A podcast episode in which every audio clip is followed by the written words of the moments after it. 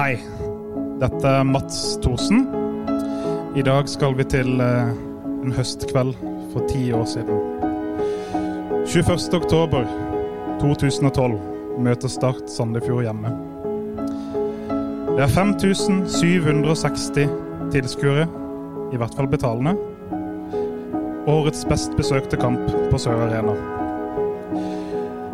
Espen Hoff satt ballen i mål etter 18 minutter.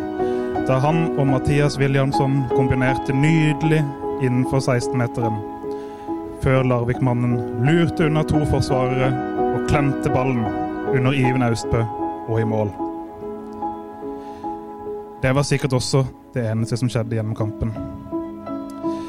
Det var dette jeg drømte om hele tida da jeg var skadet i sommer, postulerte senior Hoff etter kampen. Mjelde fulgte opp med at nå håper jeg at vi kan etablere laget på øverste nivå igjen. Jeg jubla da Hoff skårte. Tror jeg. Jeg hoppa og sang for full hals. Tror jeg.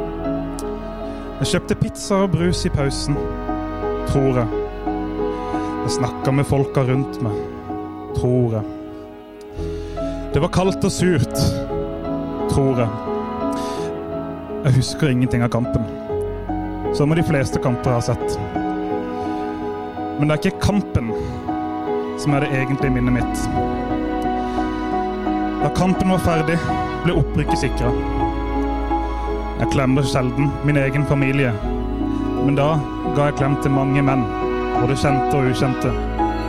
Tror jeg. Jeg pleier å gjøre det på startkamper. På mange måter er Start min ekte familie. Ikke til forkleinelse for min egentlig ekte familie. Vi ble stående igjen på tribunen og sang lenge, til stadion ellers var tom. Da kom Jesper Mathisen ut igjen på banen, og en av gutta spurte om vi kunne komme og feire garderoben. Ja, kan da ikke det, da? gliste Jesper, og åpna sperrebåndet ned til indre bane. Rundt 20 supportere og jeg fulgte etter Jesper inn i garderoben. Der sto hele A-laget til start. Mons Ivar Mjelde, støtteapparatet. Wow! Vi sang da vi gikk inn, men jeg kan ikke huske sangen. Det jeg husker, er ansiktsuttrykket til Ernest Asante. Ikke sjokkert, men noe forvirra. Jeg husker high five med Matti Williamson og flere andre. Ganske kjapt begynte spillerne også å hoppe og juble. Kobra Kai Eriksen fikk alle til å være stille, og begynte. Starta, gutter! Hei! Starta, gutter! Hei! Hei! Dette er Start. Dette er klubben min. Jeg får lov til å feire et av mine få høydepunkt sammen med klubben. Dette gjør ikke supportere i England. Liverpool-fansen får aldri feire i garderoben med spillerne. Ikke Tottenham heller. Ikke at de får feire i det hele tatt. På Camp Nou er det 100 000 som jubler for nok en pokal. Men jeg tror ikke gleden eller opplevelsen deres over et 45. seriegull kan måle seg med min opplevelse av å feire et opprykk i garderoben på Sør Arena.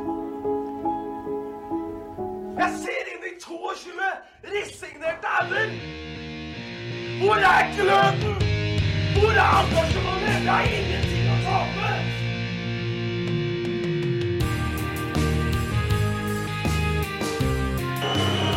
Ja, forlenges tid på Martin Ramsland. Skal du sette etter? Og så gjør han det! Martin Ramsland! Har du sett?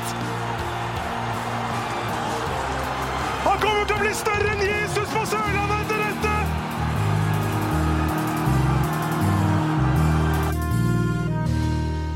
Velkommen til Start en pod. Eh, vi sitter hjemme hos eh, Lars Benestad i Oslo. Ja, velkommen.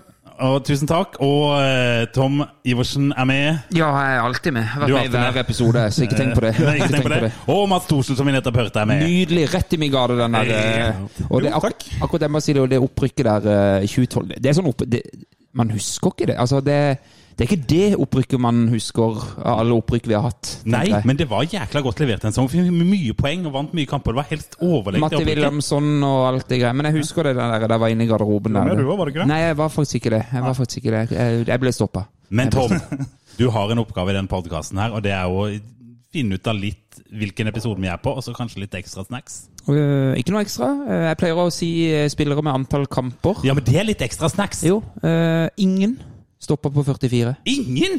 Ingen Med- stopper, men det er noen midtbanespillere. Ah, Jeg sa ikke stopper, men, men ok. Ok. Ingen har stoppa på 44. Men øh, det er jo noe annet med 44, gutter. Ja! Så jeg sier 44 år.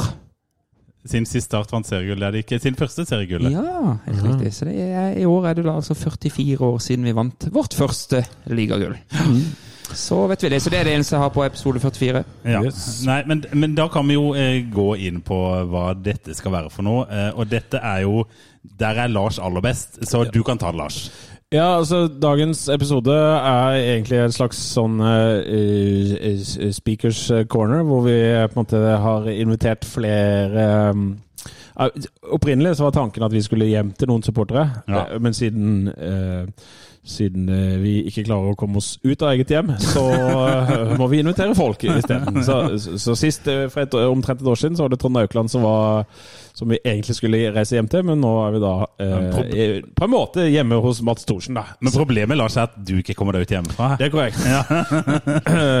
men men eh, så i, i dag vil det komme flere innspill fra flere eh, andre supportere, som ikke nødvendigvis er oss, og så videre. Så det, det kommer til å bli en, eh, en kul reise for oss, da. Og dere som ikke vet hva Speakers Corner er, så er det en, et hjørne på i Hyde Park i London, hvor man kunne stå og eh, rabulere om det man mente, og så kunne man velge å høre på eller ikke. Og vi, jeg vil jo gjerne da understreke, Lars, for de som kjenner til Speakers Corner, Ja. at vi har nok kvalitetssikra de som snakker fra Speakers Corner litt bedre enn det man gjør i London. Eh, det er dine ord. Eh, vi får se. Det er noen innspill der som vi ikke ville kommet inn på Speakers Corner engang. Men vi har også vi, eh, vi må jo også fortelle litt hvem vår gjest er, Tom. Så kan ikke du presentere vår nydelige gjest, Mats? Eh, Ja, jeg kan jo kort eh, Jeg er sikkert den i panelet som kjenner Mats best. Vi har Ja. stått eh, mange ganger sammen på tribunen og sett vårt kjære IK Start spille kamp. Stort sett taper vi jo.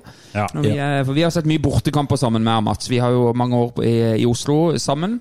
Eh, Mats har jo vært en naturlig del av ultrasbevegelsen til, til Start i mange år. Og, og eh, har Han går jo tilbake til når du og meg bodde nede på Sørlandet og var i miljøet. Absolutt. Han er jo noen år yngre enn oss, eh, og var jo med i den tidens Menigheten og TIFO-gruppa og sånn der. Eh, Mats er jo sosialantropolog av yrke, eller i hvert fall av utdannelse.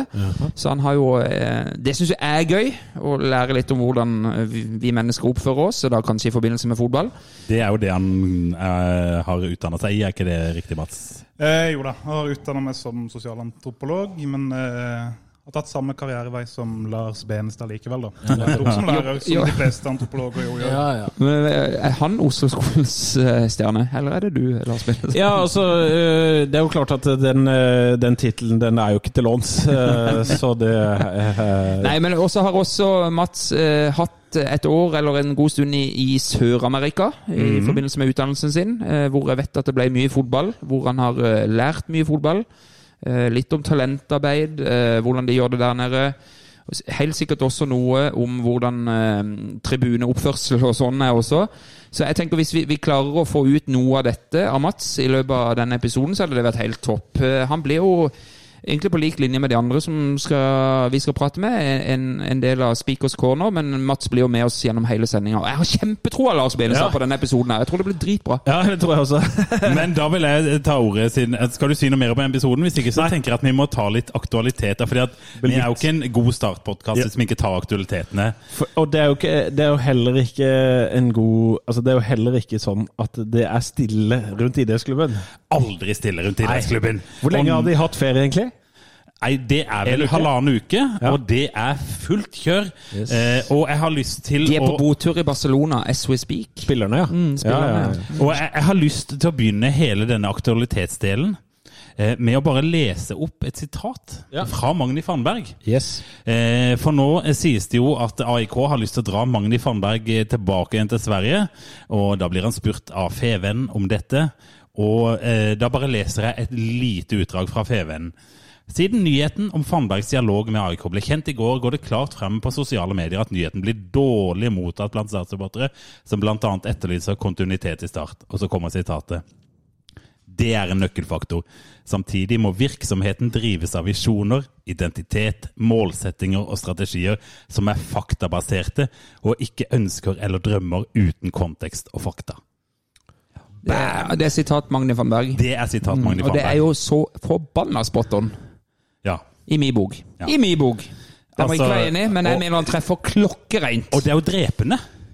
Mm. altså jeg mener at dette sitatet ser kanskje litt sånn subtilt og sånn ut, Mm. men det han jo i mine ører egentlig sier, er at Start ønsker noe, men de backer det ikke opp.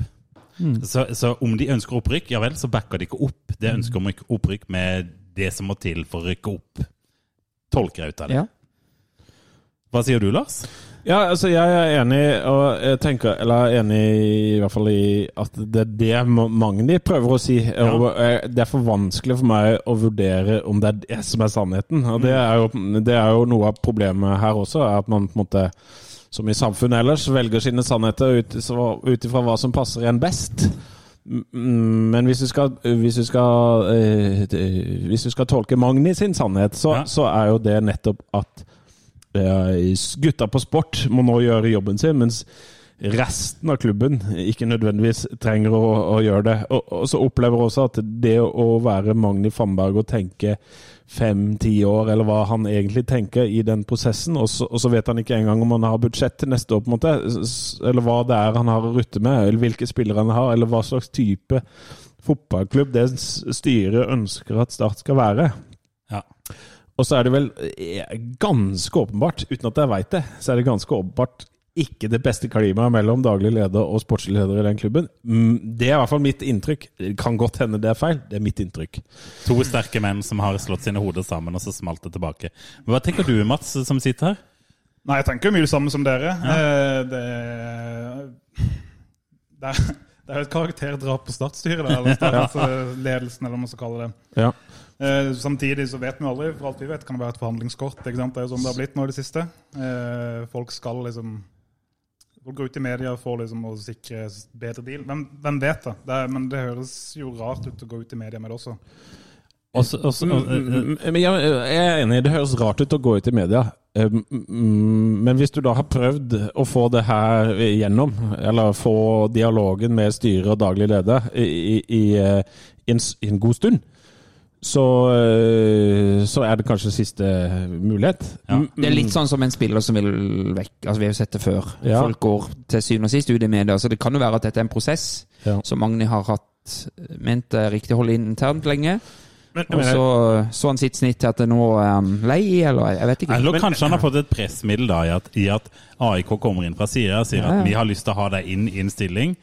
Og så sier Magni Fannberg mm, ja, det kan være interessant, men jeg må se om jeg kan få, Ja. få noe gjennomslag her Men jeg vet at veldig mange med meg reagerer på at hva, som, hva som har stått i denne kontrakten til Magni. For det var helt nytt for meg òg. Ja, Dette her med at han, har, han kan gå vederlagsfritt. ja. Og liksom sånn, Han kan nærmest gå på dagen. Mm. Hvor kontinuitetsbærekraftig er det, tenker jeg, å, å ha Det er litt naivt. Jeg, jeg syns jo det. jeg er 100% uenig. Vi må jo se hva vi er. Jo, men, øh, men jeg øh, blir ikke du- overraska over at man inngår sånne avtaler med en sportslig leder, når man skal tenke kontinuitet? Jo, men hvis det er en avtale som må til for å hente, hente kvalitet, så er jo det helt åpenbart at de, de avtalene kommer. Men For Alternativet så hadde vi endt opp med en mye svakere sportslig leder, tenker du? ja, kanskje. Jeg syns okay. jo det er rart Det er rart kanskje at Fannberg sjøl ønsker en sånn en klausul eh, i, i kontrakten. Jeg har ikke jeg sett noen kontrakt der, så jeg vet ikke Jeg, kan ikke huske heller hvor vi leste det, men, men eh, ja. Det sto i hvert fall i både Ja, Ekspressen og Feven. Ja, det gjorde det. Men jeg vil gjerne også på en måte høre mer av Mats. Og, Ja, ja. For hva, ja, hva har du eh, Hva tenker du om klausulene her, da? Altså, vi er jo en Obos-klubb. Så vi, vi er vi, vi, vi jobber jo på fjerde- og femtevalgene rundt omkring uansett, da. Ja, men samtidig så er det litt det med det Tom sier også, er vel enig med Tom. Hvorfor har vi den klausulen, på en måte? Eh, med mindre AIK har liksom godtatt den klausulen mot å slippe den. Det kan jo være. Det vet kan ikke. det kan Altså, selvfølgelig. Men når det først kommer, da altså, Ja, nei, det høres Jeg syns jo Ja, men det er skummelt, da. For hvis, Ja. hvis det viktigste i klubben er å bygge kontinuitet, Nettopp. så kan du ikke leve på sånne dag-til-dag-kontrakter. For da vil det før eller siden og det er, ikke sant? sprekke opp. Og da, jeg, har, jeg, har- sagt sjøl at jeg føler dette er som å starte på nytt igjen Mm. på sport. Hvis han nå går ut, og vi må ha inn en ny en. Ja, vi kan få inn en som er litt i samme gate osv. Men det blir allikevel det blir, Klubben blir satt atskillig tilbake av det, uansett. Hvis Magni går jeg, Nei, for jeg, det ble over. Det er mest over. Ikke overraska over at Magni kanskje ønsker å dra tilbake til Stockholm, hvor han har familien sin og alt det der, og AIK er jo på en måte hans klubb. Men, men at Start De får ikke ei krone for det. Nei. Det jeg syns det er helt hårreisende. Ja. Jeg synes det. Kan jeg få lov til å dra en litt, litt lengre greie? For det var noe som eh, meg og Tom snakka litt om i bilen før i dag, som kanskje kan eh, sette lys om det. For, fordi at i Fevennen for jeg tror det var tre-fire uker siden, så ble det skrevet litt om ditt og litt om datt. Men i den Fevennen-artikkelen så sto det jo, og det har, det, hvis man tenker etter, så er det jo ganske riktig at Start i, i, under årsmøtet i fjor så ble det sagt at de skulle ha sånn dual eh, Eller ikke dual TMO. Eh, TPO. Ja, TPO. Eh, tredjeparts eierskap. Eh, da har Klubb 21 har gått inn og kjøpt 25 av, av spillerstallen. Eh, og så lå det som en forutsetning at Kjetil Aasen skulle kjøre, kjøpe 25% av spillerstallen. I FVN så står det da at der har det ikke blitt inngått noen avtale med Kjetil Aasen. Disse pengene for 25 av Starts avtale. det er en avtale som ikke er inngått ennå. Det er Hvor mange er det? Fire millioner? Eh, som da mangler på dette årets budsjett. Kan det være noe av problemet? Ja, det er Ikke spør meg. Hva tenker du, Mats? Du er sikkert kjent med det, du òg? Ja, eh, nei jo. Eh, tenkte mest på i stad egentlig at det er jo egentlig med forlengelse av alle de problemene vi har hatt tidligere med Braut Brunes og alle de låne, lånetinga vi har. da, altså det, En konsekvens av der vi er, på en måte, at vi har sånne avtaler? Er jo- Som Belenstad var inne på. Ja, altså det er en konsekvens av det, men det betyr ikke at det er riktig av den grunn å inngå sånne avtaler. Eh, det, det er jo også litt sånn, ikke nødvendigvis paradoksalt, men det er, altså, Magni også har jo gått hardt ut i lønnsforhandlinger med spiller, kontraktsforhandlinger og sånn også. Og så har han samme kontrakt sjøl og strekker seg ut. Det er jo også litt sånn Ja. Ja, det er paradokset der. Ja, det er Det det. er jo et symptom Ja. på liksom der vi er, og egentlig men, Men, men da, da kan jeg spørre, for dette har ikke jeg peiling Jeg spør dere. Hvem, hvem kan på en måte sette ned foten rundt dette her? Hvem er det som kan bestemme at sånn her kan ikke vi holde på? Terje Er det Terje Markussen? Er det styreleder? Er det vi medlemmer? Altså, hv- hv- hvem? Medlemmene kan jo det. Jo da, men men i- medlemmene kan det en gang i året Ja på da, selvfølgelig. Men, men, men det, det er daglig leder her som må, være Og styreleder. ja. Ja. Ja, men, men eh, for min del så er på en måte min konklusjon er hvis Magni Famberg drar, så er jeg enig med Tom at da begynner vi i hvert fall på nytt. Men eh, hvis ikke styret og daglig leder forstår hvorfor Magni Fannberg da, så, så skjønner jeg ikke, hva, jeg skjønner ikke på hvilken måte vi starter på nytt engang. For Nei, da er vi, er hva, hva er det vi er da? Og, Da går vi jo i en sånn sirkel. ja da. og da, jeg opplever jo kanskje at eh, styret og Skisland og eh, ja, Dette er også bare viktig å presisere synsing fra min side, da. Men jeg opplever jo at, at de kanskje ikke har tatt eh, innspillene fra en med betydelig kompetanse på det han driver med, eh, fra Island. Så har de ikke tatt det alvorlig nok. Og, og det tror jeg Magni Fannberg tenker at det der vil ikke jeg sette navnet mitt på.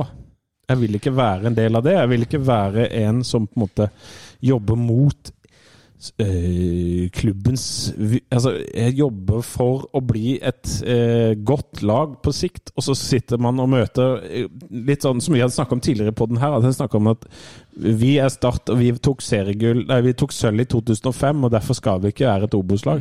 Det, er- det er sånn den der klassiske Mm. Ja, ja. fingeren i jorda. Hva er det vi er? Og så hvor skal vi, og hva, hvordan skal vi komme dit? Det må gjelde i hele, hele klubben. Det må gjelde Alle deler av klubben må være må- li, like profesjonelle. Da. Men jeg vil bare ta opp til det med å starte på nytt igjen, som du sier, Bene. Så jeg, jeg er jo enig med deg at uh, Magnud så er det som å starte på nytt på sport. Det er det jo. Eh, Så vet jeg ikke om konsekvensene eh, Jeg vet ikke om jeg sier det med samme følelse av å starte på nytt om vi får ny styreleder eller vi får ny daglig leder. Altså, hvis den, de rollene der blir endra, så vil ikke jeg umiddelbart tenke 'å faen, nå må vi starte på nytt'. Men Nei, Magni nei. sin rolle på sport, som er liksom hovedgeskjeften til denne jævla klubben her Hvis den forsvinner, så får jeg umiddelbart Ja. en starte på nytt-feeling. Og da er jo det viktig å minne om at Start brukte så jævlig lang tid på å få på plass den eh, sportslederen, og det ble, det ble jo poengtert at dette var en viktig ansettelse. Og vi vet jo sjøl at i fjor så drev jo Sindre Kjellemland og var flyttebyrå, Ja, ja. eh, sportslig leder. Eh, han, han var jo faen meg eh, alt, og det er jo ikke gunstig. Alle så jo resultatene i fjor høst. Det var jo ikke bra. Eh, Så vi kan jo Neida. ikke ha en sånn rolle igjen. Det er helt åpenbart for meg at Start trenger en, en, en sportslig leder à la Magni Fannberg. Og hvis det ikke er Magni Ikke for evig tid, det tror Nei, jeg ikke. nei, nei. jeg skjønner, det er jo ingen problem å forstå at Magni Fannberg er en krevende kis. Ho! Men, men, men, eh, Men, men jeg tror at han lenger har et år. jeg, jeg tror definitivt at han har en kompetanse og en tanke og visjoner om Start som gjør at Start kan bygge eh, Mm. et eller annet fundament istedenfor det der, eh, de råtne grunnpilarene fra Start en drøm-tida.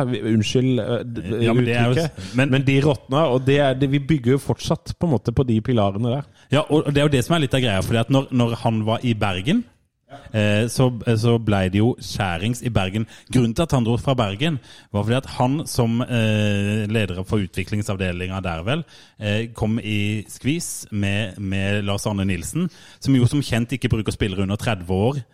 Eh, med mindre de er sønnen hans. Men det klarte de ikke å avklare på forhånd. Nei, det klarte de ikke å avklare på forhånd, så da gadd ikke han med. Lars Arne Nilsen. Men da, da er det jo også Vi må jo rette kritikk til Magne Fannberg òg, på en måte. Som ikke klarer Altså som kanskje også bør kunne se saker fra flere sider. da Altså Hvis, de, hvis han bare skal stikke når det blir tungt, så er jo ikke det så kult heller. Han burde ikke sette navnet sitt på det heller. Men Mats, er det, hva tenker du? Er det Det er en ordentlig Du får innovertiss hvis vi må bytte sportslig leder nå. Ja, altså det, Man får jo det, Ja. rett og slett. Altså, Vi starter på nytt igjen. Ja, men det er ikke sant, du er, man, du er med man, på det. gjør jo det. Man får den Også, følelsen. Mm. Og spesielt, kan jeg få lov til å legge til et lite poeng der? Spesielt i en klubb som Start, som eh, ikke klarer å, å, å kommunisere ut tydelig hvilken retning klubben skal gå i. Ja. Da er de så veldig avhengig av den ene personen. Ikke sant? Og Vi har jobba en hele året mot å komme på riktig, riktig spor. og Vi, altså, de fleste tror jeg da føler at også vi er på riktig spor. Det har skjedd mye positive endringer siste, denne sesongen her. da. Eh, mye av det også takket være Magni, kanskje. Ja. Eh, at han går da, det er fryktelig dumt. Og vi, aksepter, vi aksepterte jo å ikke rykke opp. ja. Fordi vi forventer at det skal satses over evne neste år, sånn at vi rykker opp eh, altså, eh, At det skal satses sånn at vi rykker opp neste år. Det er jo derfor vi aksepterer at vi ikke gjorde det i år. Og, vi, og vi aksepterer det fordi at vi så progresjon i høst. Ja, progresjon i høst, og så ser vi at vi prøver vi, altså hvis, Jeg opplever derfor Jeg ser at sportslig avdeling Vi har troen på det Magni holder på med. Ikke ja, sant? Jeg, det- tror på, jeg har jo også troa på det Sindre holder ja, ja, på med. Ja, men det er sånn jo at team sammen der, da. Ja. Sport, det er sport holder på med! Gutta på sport. Gutta på sport. Så eh, ja, jeg er ikke spesielt imponert over um, Og så må ikke klubben Start være redd for folk som kommer utenfra, med litt kompetanse, som har litt sterke meninger, som kan være litt krevende. Altså, det, Vi må tåle det. Hvis det er noen som trenger det, så er det Start. Mm. Det er litt sånn sørlandsk, kanskje. da. Ja, det er at akkurat det. tåler ikke kritikk, da, på et vis.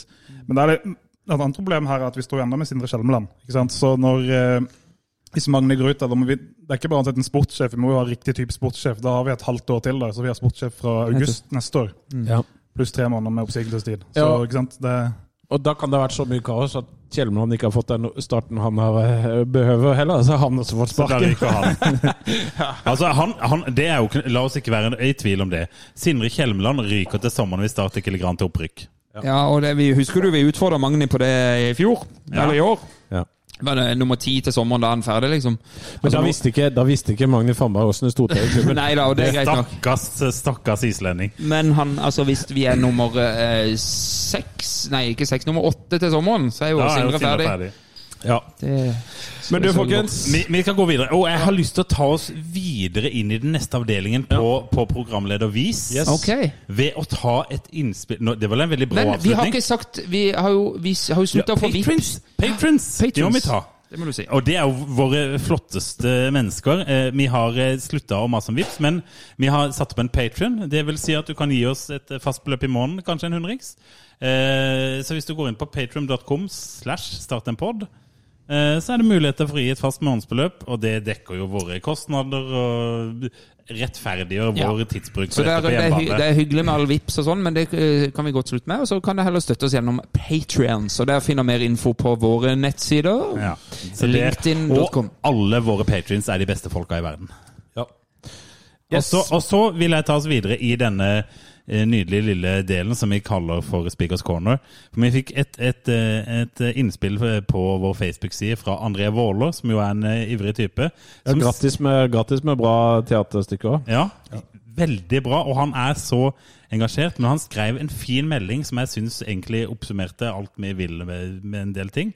Så jeg bare vil lese den i sin helhet. André Woller skriver eh, om vår episode nå. Gleder meg til å høre. Dere stopper opp og gjør gledene ved å være Start-supporter enda større, og er sammen med oss lyttere når tapet svir og havmåka aldri vil forsvinne. Dere bidrar til at det ikke er så farlig å være uenige, og at de fleste ting kan ses fra flere sider. Unner oss alle en start en opprykkspod i 2023. Håper mitt beste startminne ligger og venter i året som kommer. Stå på videre. Veldig bra, André. Det, det syns jeg er helt riktig. Jingle.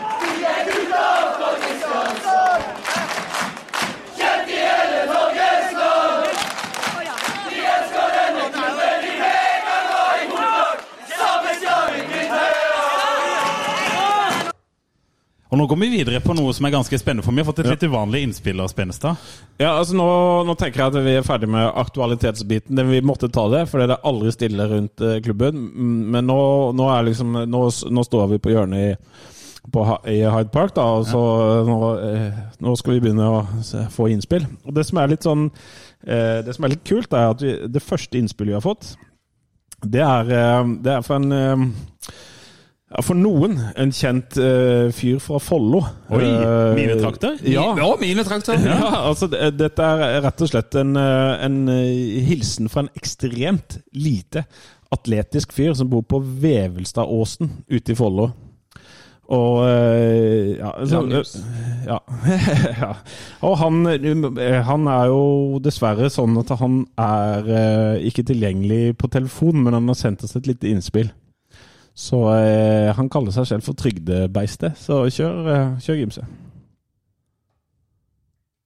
Hans er trygdebeistet her. Follos største sønn, nest etter han der Dimmeborger. Ja, da er det å gratulere da med Obos, skal vi si eh, Da blir det jo rundt også eh, rundt oss til byer som er enda jævligere, kjedeligere enn Kristiansand. Jeg nevner i fleng Bryne, Grimstad og Raufoss, som for øvrig er eneste byen i Norge som er oppkalt etter det som skjer hvis du spiser den der kebaben i markens. Fy faen. Nei, Kristiansand, større drittby skal du leite lenge etter. Og derre er sex, sol, sol, alko, sex og alkoholsynginga deres kan dere bare dytte langt opp i ræva. Jeg har vært der nede en gang, var der på Kvarten i 1994. Da fikk jeg få meg aids i kjeften etter å ha sleika den der lokale indiekjerringen der. Nei, fy faen. Jeg takker meg til Follo, takker meg til hvilket som helst annet fotballag i Norge, egentlig. Eh, men én ting skal de ha, da. Myggen var jo jævla fin. Hvil i fred, Myggen. Var glad i deg. Også en annen positiv ting det er at han der Erik Rutherford Pedersen får holde på utpå der. Beviser i hvert fall at dere er ikke rasister, da. Det skal dere ha. Det er ikke noe sånn apartheid der.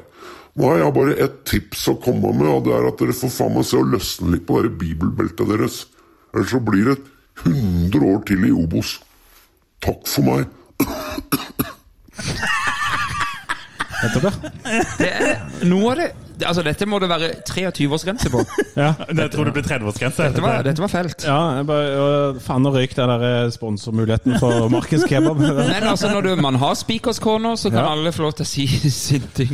Dette er altså trygdebeistet fra, med, fra kjent fra Trygdekontoret, som, har, eh, som en ivrig lytter av Starterpod. Som, Jeg jeg er eh, fan av Trygdebeistet, må jeg bare få lov å si. ja, nei, jeg syns det er kult at han eh, bidrar, men, men det var eh, Jeg håper at de neste innspillene blir, blir litt, altså litt mer bibelbeltevennlig enn uh, Men du var ikke på Kvartfestivalen i 94, Benesa, var du det? Uh, Ikke 94, nei. nei. Men det var et par år etterpå. Det, Fikk Tveits i kjeften. Nå må vi roe oss. Nå Må vi roe oss. Dette var da altså første innspill, og uh, jeg, jeg, jeg, jeg tenker at panelet ikke behøver å diskutere dette innspillet så veldig mye, annet enn at Kristiansand kanskje er en finere by enn Trygdebeist nevne. Men han har, han har et poeng med at Bryne, Raufoss og Grimstad er dritt. Fevik ligger ikke i Grimstad. Jeg kan bare skyte inn litt at eh, Når han snakker så mye dritt om Kristiansand, og så er jo tross alt Kristiansand ganske mye bedre enn Arendal, så jeg lurer på litt på hvordan det er der nede.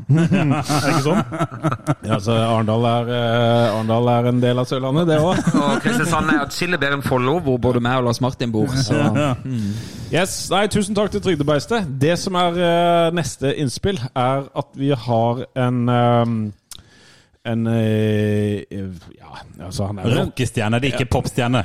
Ja, altså jeg mente at han skulle være popstjerne, mens han Nei, rockestjerne, mens han selv kalte seg for en avdanka popstjerne. Mye, mye mer Han har aldri spilt rock. Nei, nei, nei. nei. Men altså, jeg kan kalle folk hva som helst. da. Men vi har altså eh, Erik Fabe, mannen bak elleve mann og bein og stål, og en svoren tilhenger av både idrettsklubben og Start en pod. Og han har lyst til å snakke litt om startmusikken. Skal vi ta og ringe han, da? Vi ringer eh, Erik og satser på at han er ledig, da. Ja, han legger kanskje unger, da. Ja, det var det, da. Han skulle, i gjør han skulle ha konsert i kveld, så det Erik. Hei, hei, Erik. Det er Start en pod som ringer. Hallo, hallo, så hyggelig. Hvordan står det til? Er du klar for konsert i kveld? Konsert og konsert, julebord. Eh. Du skal spille litt, i hvert fall. Skal spille litt eh, sånn det er blitt. Begynner å dra på årene. Det er det Color Line neste. Men avslutter du alle julebordene dine med elleve mann og stål? Jeg har faktisk aldri spilt den. Nei, det er skandale. Men du må kanskje ha med deg Rune for å få til det. Ja, det var en som sa til meg en gang eh, Hva er det du egentlig synger på den? Så var det en som sto ved siden av og sa Det er han som synger når det ikke høres ut som han driver Så det var en annen sin ord, altså. Men du, eh, Faber, for at du er jo musiker, og, og i tillegg til å være musiker også svært glad i, i Start. Og laga en av de mest vellykka Start-sangene. Um, det er ikke laget, men sunget i hvert fall. Ja, sunget. Det er lagd Ja. der noen andre, beklager det. Eh, men Ja. eh, hva tenker du om, eh, hva er dine tanker om startmusikken i de siste åra, da? Nei, jeg tenker jo generelt mer, Jeg har jo sendt noen meldinger frem og tilbake om dette tidligere. Ja. Um, og sånn generelt så tenker jeg jo at fot, ei fotballåt er jo mest styrt av opplevelser knytta til den låta. Altså Hadde Start vunnet fem seriemesterskap etter at hymnen kom, så hadde de fleste syntes at den var helt topp. Ja.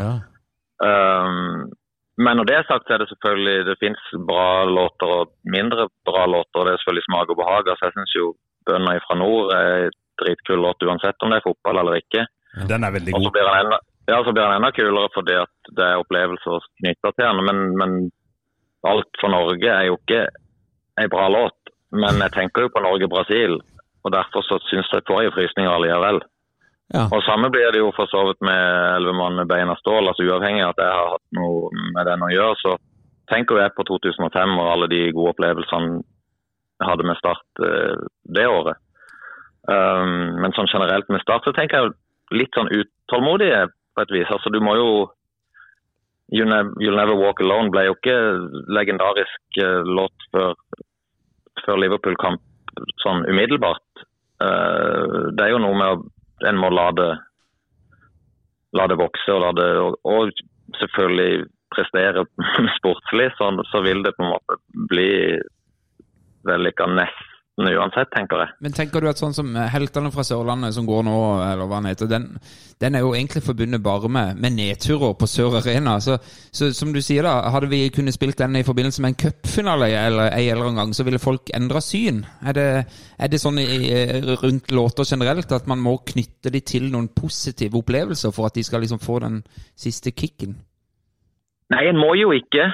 Eh, men, men fotballsanger sånn generelt er jo ikke Det er jo ikke på en måte ja, ypperste sort alltid. Eh, så da, da, da tenker jeg da kreves det ofte litt, eh, litt opplevelser rundt for å på en måte løfte det. Men, men men eh, jeg syns jo, syns jo den uh, hymnen uh, syns jeg for så vidt er fin, men han er litt Jeg har endt opp med å sitte ved siden av et par stykker som de nekter konsekvent å reise seg. Ja. De blir dritsure hver gang eh, den blir spilt. Um, Men spørsmålet spørsmål, da. Ja. Mens jeg avbryter deg. Blir de sure Ja, ja. fordi det er eh, Lars Martin Gimse og en eller annen annen kis hey! som, syng, som synger det, eller, eller er, de, er de liksom eh, irritert på selve eh, ja, nå- sangen og, eller greia, på en måte? ja, han, det, er jo litt, det, er jo, det er jo som det er jo, Du skulle tro han var i begravelse. Samt er den. og jeg ser jo litt det. Men så er det sånn med 'Elleve mann med bein og stål'. 'Elleve mann med bein og stål' er jo ikke noe supporterlåt heller. Altså, du kan ikke Det er ikke så Det er ikke liksom Han er ikke lagd sånn at du på en måte, på en måte kan stå og synge han Så all sound? Uh, all, altså jo, når han spilles av, så kan man jo for så vidt det, men, men det er ikke noe, du kan liksom ikke dra den a cappella fra, fra, eh, fra lånsida. Liksom. Nei, sant det. Sant det. Det er jo liksom lange sånne, jeg pauser, og det, det, det er ikke noe sånn uh, mens, mens, eh, mens Alt fra Norge, for eksempel, der er det jo på en måte en, en i hvert fall refrenget Der går det på en måte litt sånn i, i ett sånn tekstmessig, sånn at du kan faktisk i hvert fall synge refrenget sånn eh, På fylla, på en måte. ja, jo, du kan vel for så vidt det med elleve mann med beina stål òg, da, men jeg vet ikke. Hadde de vunnet gull i 2005, så tror jeg ikke det hadde vært noen hymne. Nei, Nei. det er riktig. Mats, du hadde noe innspill? Ja, nei, jeg er helt enig. Jeg syns hymnen er veldig treig og kjedelig. Og en hymne bør kanskje ikke nevne supporterklubben til uh, klubben. Den, altså, hvis du tenker på de største hymnene i verden, da, You Never Walk Alone, eller ta Nystemten Bergen, Vålerenga kirke, hvem det skulle være, så det handler ikke om klubben. Det er liksom ikke komponert for klubben. Det handler liksom om byen mer, da, eller liksom noe annet. da. Eller en følelse? Følelse, nettopp. ikke sant? Altså, det, er, det er mer det en hymne burde være, tenker jeg. Ja, og jeg er jo en av de som drømmer om at Bjøre Haaland sin 'Hei, gamle landevei' skal være hymnen vår. Helena Ja, men han, har vel, han har jo også en startsang, men den er jo, den er jo ikke den kjappeste, den heller. Nei, ikke På, på gullkassetten i, som jeg hørte i stykker i gamle dager. Nei, så spiller de jo for seg, men det blir litt sånn det blir litt, eh, de, de spiller liksom den der eh, fra 19 Å, heia, heia, heia, spiller de litt. Og så spiller de elleve mann med beina stål de få gangene de skal. Da ble det jo faktisk en del mål på slutten, da, men, eh, men de gangene de skårer, og så er det hymne før kamp, så blir det litt sånn schizofrent eh, på et vis, føler jeg også. Men, men, eh, men eh, Nei, altså Vi hadde jo ikke sittet og snakka om dette hvis Start hadde vært der Bodø-Glimt er, så er det jo ingen som hadde brydd seg.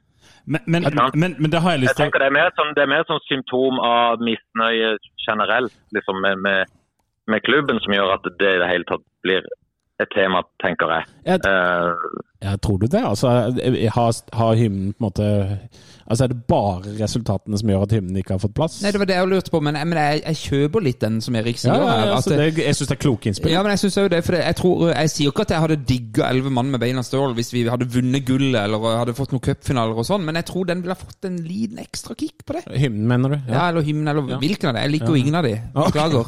Oi.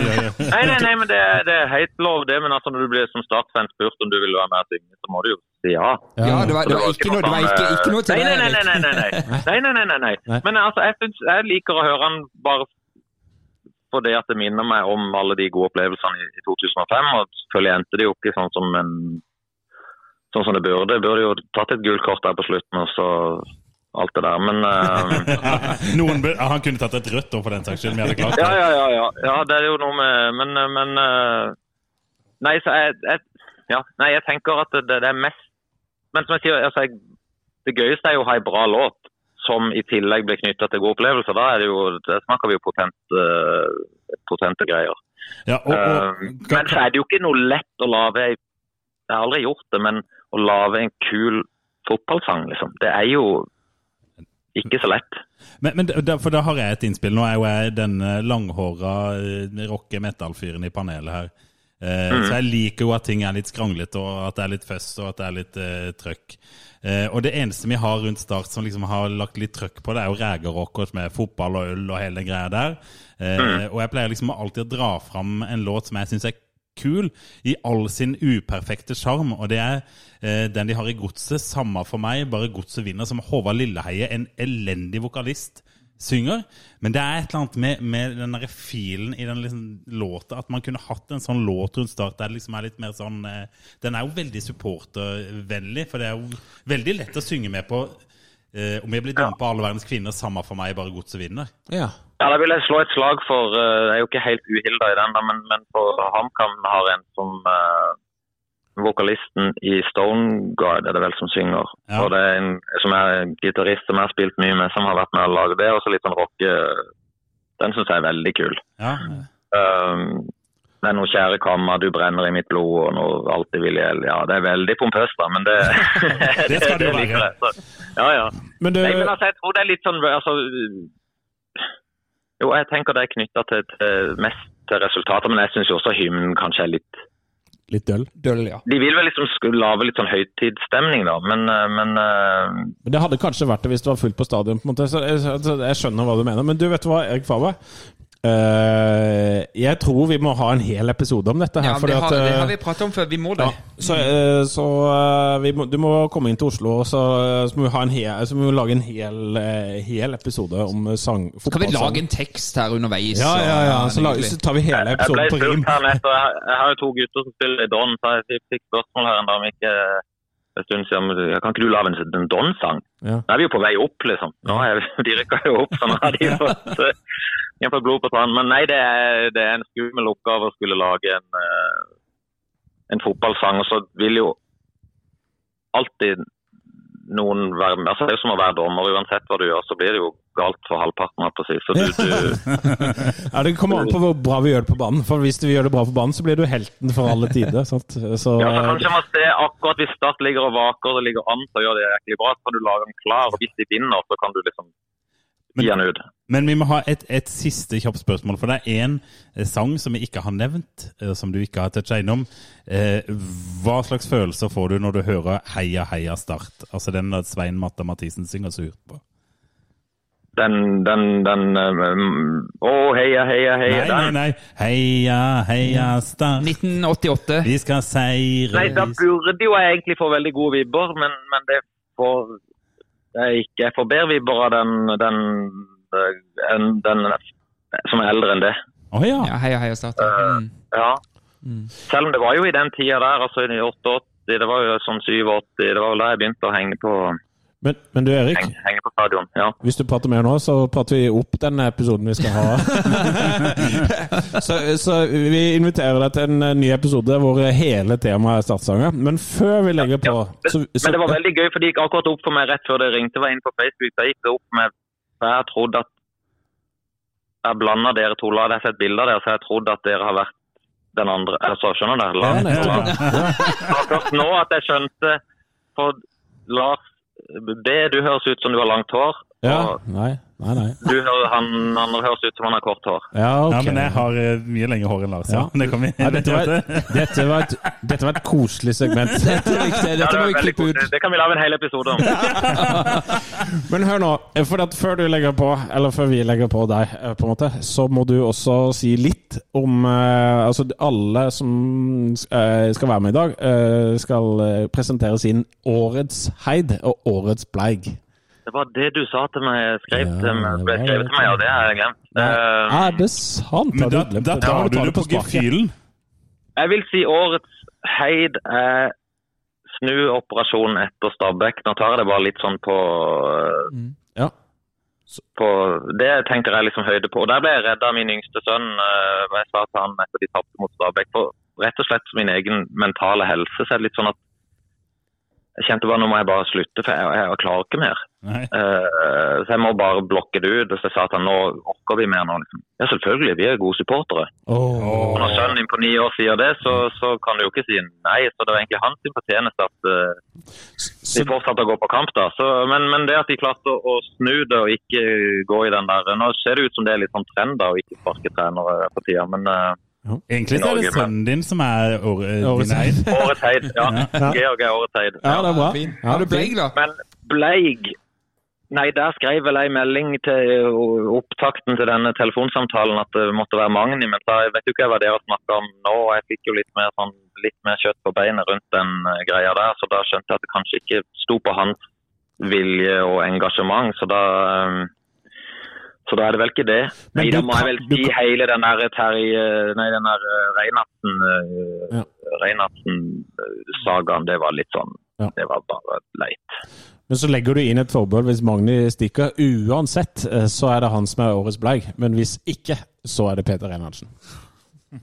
Nei, jeg sier ikke at det er det, for jeg, kjenner ikke nok til saken. Men umiddelbart da jeg leste han, så tenkte jeg men er det ikke han som har snakka om kontinuitet? og Om, eh, og så, men så skjønner jeg jo at det, det ligger at han har visse krav for, for å fortsette. da. Altså, hvis han skal kunne gjøre jobben sin, så må det være visse ting som, som er på plass. Det, det, det, det, det sier han jo egentlig i avisa òg.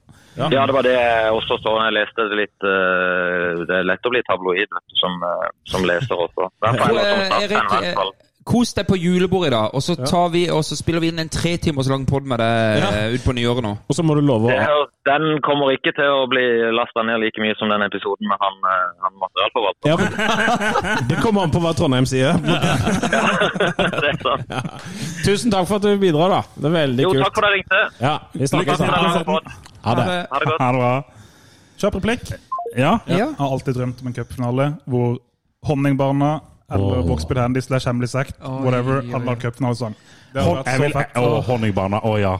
Jeg er litt på Ellen Ropstad òg. Så skrev noe sånn mørkt og jævlig, men det går ikke an å synge sangene hans. Så det er på en måte Men vi må diskutere han vi har prata om nå, eller, eller Ja. det han tok over. Vi Ja. må ta et par minutter bare om sanger og, eh, og dette. Da har jeg lyst til å spørre deg, Mats. Eh, Er, du- enig i enig med det, de, eh, det Erik sier med at, at dette er litt sånn resultatknytta, om man liker en låt eller ikke? Definitivt, altså, definitivt er det jo det. Eh, det er helt klart. altså Mennesker opplever jo positivt. Som den sosialantropologen du er, er det sånn vi, er det sånn vi oppfører Det er kanskje litt med psykologi, men, eh, men ja, selvfølgelig. Altså, man, folk forbinder jo positive ting med ting de opplever der og da. Ikke sant? Så en sang som man, opp, man hører spille hver eneste kamp man går på, man vinner hver eneste kamp, vinner seriegull, kommer til Champions League og vinner Champions League. Det å si. Ikke at det kommer med Start. Nei, nei. Eh, før, før om to år. nei for dette, jeg hadde ikke tenkt på det før han sa det, men han har jo egentlig rett Han har jo rett, men akkurat den hymnen som vi har nå, tror jeg fremdeles ville vært For den eh, er for, lo, ganske- den er for den er low-key dårlig tekst. Ja. Altså, alt med den er egentlig dårlig. Men, men fins det, det noen eh, hymner der ute du mener man kan hoppe etter? Altså, det er jo de to norske nevnte, da. Altså, Ja. Vålerenga kirke. Det er, jo, det er jo ikoniske sanger og ikoniske liksom Men, men nystemten er jo ikke så jævla rask, den Og gamle gress. Men nystemten Gamle er gress er jo nydelig, Gamle gress er Ja, jo nydelig. Men nystemten er jo en følelse. For at det handler jo ikke Ja, ja. Det handler jo på en måte Det, det er jo Bergen, så, så det er jo noe annet igjen. Det, så den kan jo være så treig som bare de vil, for det handler jo om en eh, patriotisme, liksom. Men, men jeg, Og folk synger med, da. Ja, ja. Folk elsker det. Du trenger, eh, men, men altså, jeg tenker at det Tom sa med, med eh, gamle landevei eh, Den har jo noen elementer i seg med den introen og definitivt et allsangrefreng. Så, eh, Den har alt.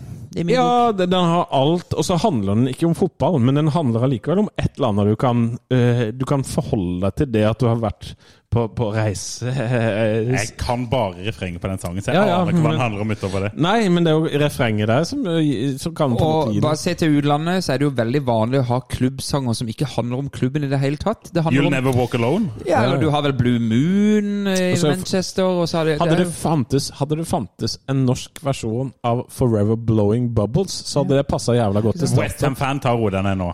Ja, men, men altså, det hadde passa veldig bra. Altså, for det det er det vi gjør, på en måte. Vi bare blåser bobler som sprekker, og så er det uh, Men det er jo også en ikonisk sang, da. Altså, alle, alle fotballsportere Men vi kan jo ta det Jeg vil alltid blåse Nei, vi skal ikke synge. Nei, det er veldig bra. En sånn en episode må vi få til med Ja, Erik. vi er på, vi er på uh, trappene, og, uh, så den episoden kommer i uh, vinter en gang. Mats, hva er din favorittstartsang? Eh, Sånn hvis du kan ta det på bare på Nei, altså, altså Som voksen også så er jeg jo Start-fan. Jeg driver jo og synger til og med Start-fan Bjøre Haaland til Ja. dattera mi. Ja, ja. Ja, ja, hun Ja, elsker den. Den og 'Regnet med beinet'. Det Det er nydelig. Ja, for det er liksom mine sanger, så får ta mora seg av alle de andre. Å, åh, dette er det største som har skjedd siden 1905! 1905? Nei, da ble jo Start stifta. Det var jo mye gøyere, det. 1905. Ja, det var mye gøyere da. Ja, mye gøyere da. Mye gøyere da. Nei, men jeg, jeg syns det er flott å høre på Erik Ja, sånn apropos, liksom. Det er jo gullkassetten. Det er, den har jo jeg, så, som Erik Faber, og som alle andre, hørt i hjel. Ligger i sin helhet på Spotify, tror jeg. Ja, den har Yes. kommet på Spotify nå, faktisk. Jeg foretrekker så- fortsatt kassettspiller. Men den skal helst spille på kassettspiller, den, Lars. Ja, korrekt. skal det. korrekt. Du, Hvor skal vi må nå? videre. eh, Altså, nå beveger vi oss eh, litt lenger bort i Hyde Park der. Så står det en annen kis på en kasse, og den kassa tror jeg muligens er ganske eh, høy. For han er ikke så høy, han da? Ja, det vet ikke. Jeg vet ikke. Jeg bare har en følelse av det at vi skal nå til eh, den yngre, det yngre segmentet i start, eh, Familien. startfamilien. Det er på en måte storebror eller lillebror eller Eh, ja.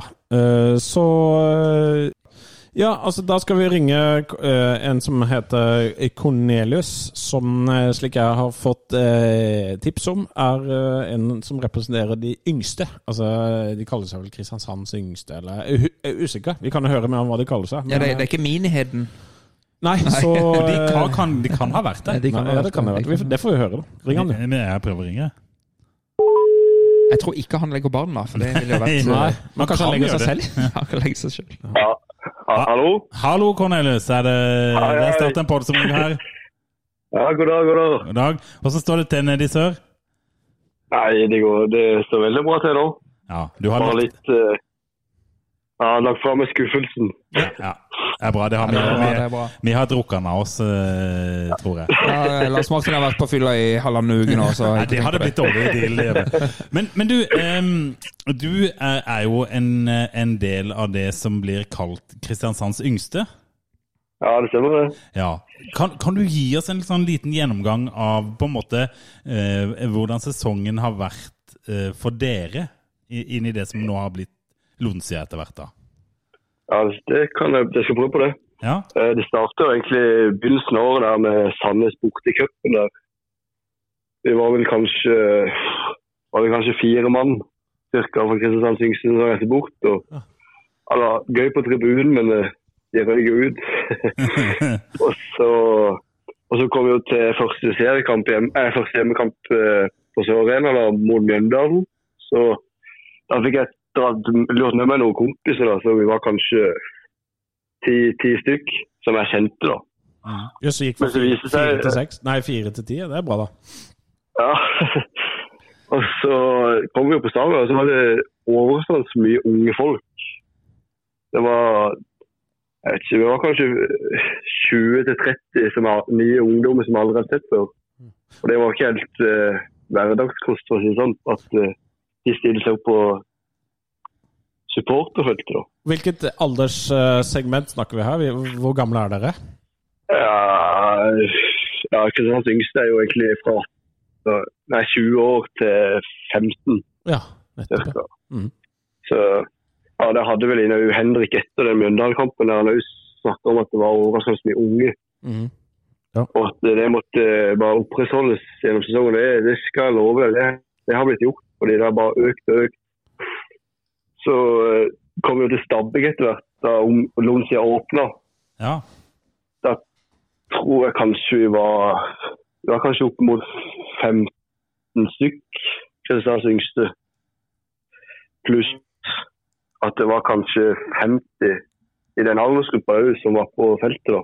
ja. Så det, det, det grodde jo godt, kan man jo si. Det kom jo bare flere og flere. Ja, det er nok noe Ja, sorry. Skulle du si mer? Ja. Og så da blir jo etter hvert Brann, da.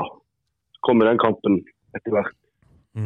Og da, da, da kjente jo på at da måtte vi prøve å mobilisere litt. Så da jeg snakka med eh, alle jeg kjente så å si egentlig eh, som jeg tenkte kunne være med. Og vi ble kanskje 20 stykker av mine venner og så 10-15 andre i tillegg. Så vi var jo en god gjeng der. Og det var jo nesten helt fullt supporterfelt. og jeg vil i hvert fall tro at nesten halve supportermiddelet var fullt av unge i mellom 18 til nei, 20 til 15 år ca. ja, der var vi jo. Og det, det inntrykket hadde jo vi òg, Ja, at det var så mye unge folk der. Eneste vel egentlig hjemmekampen vi har stått på Lonsia, det var vel mot Brann. Og eh, jeg òg, som har 30 år på baken. Jeg har aldri sett så mye ungt. Det er jo så deilig. Det er helt fantastisk. Jeg følte jeg var på jobb. Jeg. det, ja, det, det, det var veldig gøy. Ja. Selv om vi tapte, så var det jo ikke så gøy på tribunen. Så på vei hjem så snakka jo alle om at de hadde hatt det kjempegøy, og de ville være med neste gang. Mm. Hvilken, så, ja. hvilken kamp var det dere hadde full buss eller minibuss eller hva det var opp til borte? Var det Stabæk, det? jeg, ja, jeg, kom, jeg kommer litt til det nå straks. Imponerende. Kjør på. Ja, så det, var, det er nok en del kamper som jeg ikke har tatt opp, da, men så kom vi til Bry, Bryne hjemme. Da vant vi 6-0. Og da, da hadde vi begynt å snakke litt sånn innad i Kristiansand Yngste om at vi hadde lyst til å prøve til å arrangere en din buss. da. Snakka egentlig om minibuss. Mm. Og så da tenkte jeg da må jeg prøve å jobbe litt. Så jeg var jo på feltet. Altså, da har jeg et marked til mange ungfolk som har vært der på nesten alle kampene. Så da tenkte jeg får, jeg får gå bort og prøve å hilse på disse her og bli kjent med dem. Så da møtte jeg på en god gjeng, og de, de var skikkelig interessert i hvert på dette. her. jeg bort egen buss. Og da endte det opp med at vi fikk samla en skikkelig god gjeng. Da var, vi, var, hvor mange, vi var kanskje 30-40 stykker, tror jeg. Det er så imponerende. Det er helt sykt. Ja, det er jeg tenker det. Cornelius, eh, jeg tenkte på det, for jeg, visste, jeg var på kampen sjøl. Jeg visste at det kom en eh, buss med Kristiansand Yngste. Eh, og og så da få den opplevelsen der med 0-5 og helt pyton kamp det er, altså, Ville folk på kamp etter det òg? Ja, jeg, jeg var jo så heldig at jeg brakk jo beinet rett før den kampen. der. Ja, stemmer det. Så, så jeg fikk jo ikke vært med. Det var kjedelig. Men det, i ettertid så de, snak, de guttene mine som var med, de snakker fortsatt om den kampen. og de, de hadde det veldig gøy på bussturen bort. og Bussturen hjem var jo faktisk grei. Og så var det jo litt sånn litt pyro på tribunen og litt sånn det som gjør litt ekstra. da. Mm. dette her, dette her, gutter, det han snakker om nå, det er essensen av å være supporter av en fotballklubb. Du kan faktisk tenke tilbake på en tur til en bortekamp der alt gikk til helvete på banen, og fremdeles tenke at faen, det var en fin kveld. Men jeg altså. tenker at dette var den første Jeg tenker at dette kan være den første borteturen for mange av disse som var på den bussen. Og da tenker jeg Ja, ja. og, ja, For det var det, Cornelius. Det var flere som hadde sin første Ja. bortekamp der. Ja, det var kanskje fem-seks stykker som hadde vært på bortekamp før. Liksom. ikke sant? Og så får du den der greia der, og det er blytungt. Eh, Ja, ja, ja. Så jeg håper ikke så veldig mange falt av da etter den kampen. Nei, det har de absolutt ikke gjort. Det skal jeg love det. Nei, altså, Så, ja. syns jo også det er veldig gøy å min- min- minne meg litt om min egen eh, oppstart sjøl. Din debut. min, ja, debut, bortedebut, eh, hvis man kan si det. Vi tapte jo også, men det er jo det sosiale man sitter igjen med. da, ikke sant? Altså Man reiser, med, reiser med en gjeng kompiser og en gjeng med fremtidige kompiser på et vis. Og, og det er jo en styrke i seg selv òg. Men jeg lurer på en liten ting. Eh, Jeg jobber jo som lærer her i Oslo. Ja. og merker jo det liksom at det er null interesse for norsk fotball. Norsk fotball var det, det er så dårlig. Det er Messi, det er Ronaldo, det er Mbappé og Haaland og City. Eh, oljesjeiker og det, det skulle være. Hvor, hvorfor hvorfor uh, gjør ikke dere også det? Hvorfor heier ikke dere på Messi og Ronaldo? Altså Helst hei på spillere, ikke hei på lag nå. Nå er det spillere vi heier på. Ja. Eller hva, tror du er på grunnen? Start? Ja, hva, hva tror du er grunnen, Cornelius? For at de vil heller dra på start? Nei, for det første så er jo jeg prikk lik som dere. Da. Det er veldig mode det. Ja. Men, så, men de fleste andre kompisene mine er jo litt mer sånn til engelsk fotball. Men nå i år så har det på en måte endret seg litt. Og de har forstått litt hvor gøy det kan være å gå på stadion og bare alt det sosiale rundt. liksom. Ikke bare kvaliteten på banen, men alt det sosiale og ja, lage stemning. De er glad i det. Ja, og, og når dere eh, Altså, jeg er jo også lærer, da. Eh, Så når dere kommer, til, kommer tilbake igjen til, til klasserommet og, og, og, snakker om det, på en måte, så er sitter det ikke en eller annen sånn med Manchester City-trøye og sier 'norsk fotball er jævla drit'. Så, eller, får dere på en måte anerkjennelse for det dere gjør òg, på en måte? Ja, gre greia er jo, vi har jo, Det begynte jo med at jeg dro med en kompis til Sandnes. Og så har det bare blitt en snakkis at uh, folk har sagt akkurat det der, eh, som sier, han som sier de sitter og sier norsk fotball er dritt. Mm. Det har vært kanskje ti stykker av dem, og så var vi to, to mot. Og når siste kampen mot Kongsvinger, da, så var det vel jeg vet ikke om han gutter vi er i klassen, vi er kanskje 13 stykk. Det var to gutter som ikke var med. Applaus. Ja, det, er, det er årets heid fra meg, altså. Ja, men men, men, men hva, hva er, er, det, er det liksom eh, Er det det at dere klarer å bygge opp det der sosiale rundt det å gå på kamp sammen som blir en sånn styrke for, den, eh, for det å dra på startkamp? Ja, jeg tror det har mye å si. Og så jo det Jeg må jo skryte de Det er jo de ultra som lager liv på kampene og drar med folk. og De, de skal ha mye av æren her. fordi det er jo det som blir snakkisen. At det var skikkelig gøy på kamp fordi det var så god stemning. Ja. Og de snakker, snak, snakker opp Eppo og liksom Ja. At han er så flink til å liksom styre hele greia. da. Det, det, det skal ha mye av æren for det, vil jeg tro.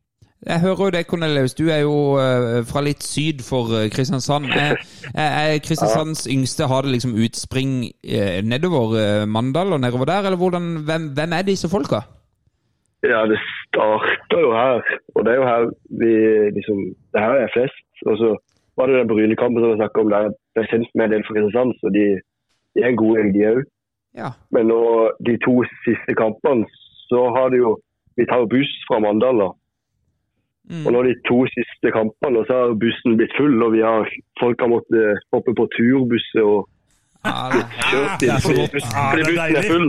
fantastisk, dette her, altså. Oh. Men eh, Altså- Hva snakk du? Snakk. Ja. Og så vil jeg dra opp en ting til. fordi Etter den der siste hjemmekampen der mot Ranheim, så fikk jeg plutselig en melding av noen som jeg ikke kjente, som var fra Farsund. Som lurte på om de kunne være med på kamp. Oi, oi, oi. Åh, det er godt mulig at Start er ræva om dagen, men fy faen, det vokser, altså. Supporterne er gode.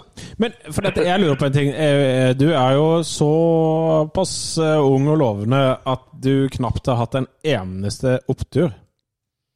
Ja, det kan du godt si.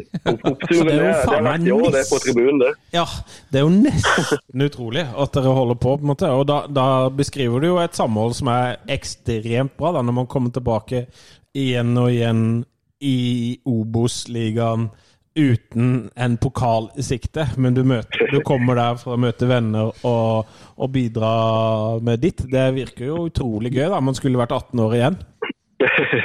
ja. Ja, altså, jeg, jeg, syns det er kjedelig at de ikke klarer å trykke opp nå, for jeg tror det hadde fått en enorm boost. Men Ja. eh, For, jeg, jeg, tror, jeg tror likevel at det vil fortsette å vokse. Fordi Ja, for tror du det, Cornelius? det blir så stor snakkis, liksom. ja. for hva skal til for at dette fortsetter neste år, da? Hva, hva er det verste som kan skje, og hva er det beste som kan skje? Ja, tenker du på supporterfronten? Ja, nå tenker jeg på dere, liksom. Ja. Ja, det er jo det at eh, når, vi blir jo flere og flere, og jo, jo mer alle snakker positivt om det, jo flere har lyst til å være med. At liksom vi kan doble antallet, for eksempel. Ja. Det tror jeg er fullt mulig. Ja, Altså, Altså, jeg, jeg, jeg, jeg blir så positiv av dette her, Lars Benestad. Dette, dette, det, det, altså jeg blir altså så varm om hjertet av det her. her.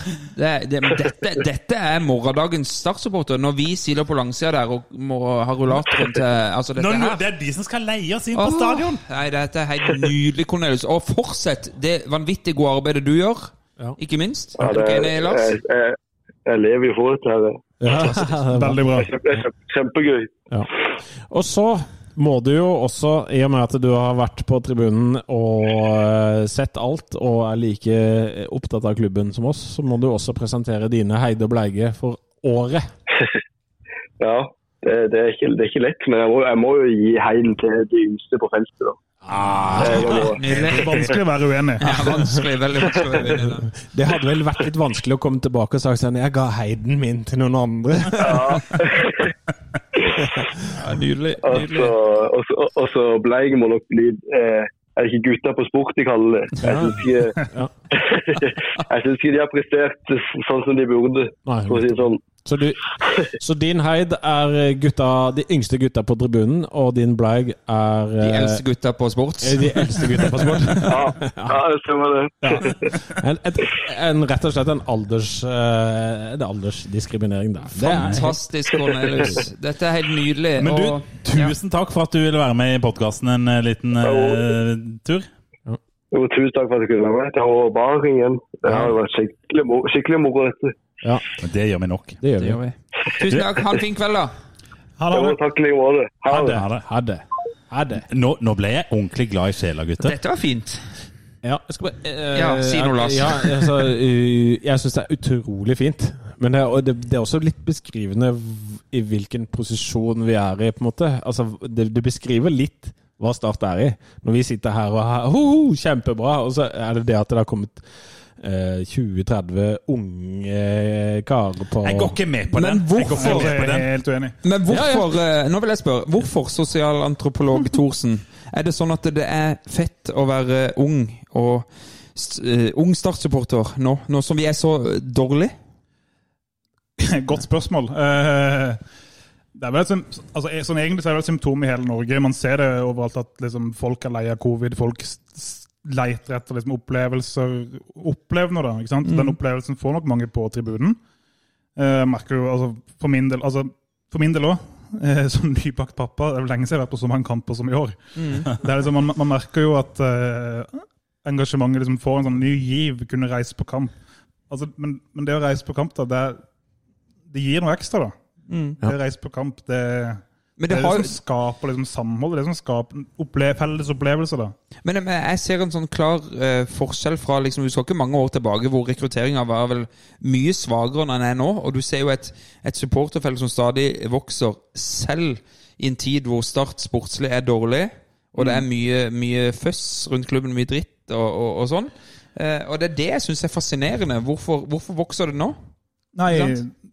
godt, Men, men det den, altså covid, pre, altså efter covid, og folk vil ut og, og treffe folk og Reisebegrensninger, dyrt reise reise utenlands og sånn. Men, Men, men kan jeg skyte inn en ting der? Fordi at eh, eh, sånne miljøer som oppstår, de oppstår vel Kan vel bare noen ganger bare oppstå av noen ildsjeler som Altså helt uavhengig av omgivelsene? Uavhengig ja. av omstendighetene. Ja, ja. Men, men så, så er de i heldige omstendigheter som gjør at de har god grobunn for dette. mm, def, definitivt. Men altså, definitivt. La, la, la oss kaste ballen ut til dere. da. Hvorfor begynte dere å gå på kamp, da? Det er liksom sånn hvor- Hvorfor begynte du å gå på kamp, eh, Gimse? Det var fordi mamma dro med meg. Ja. Hvorfor fortsetter du å gå på kamp?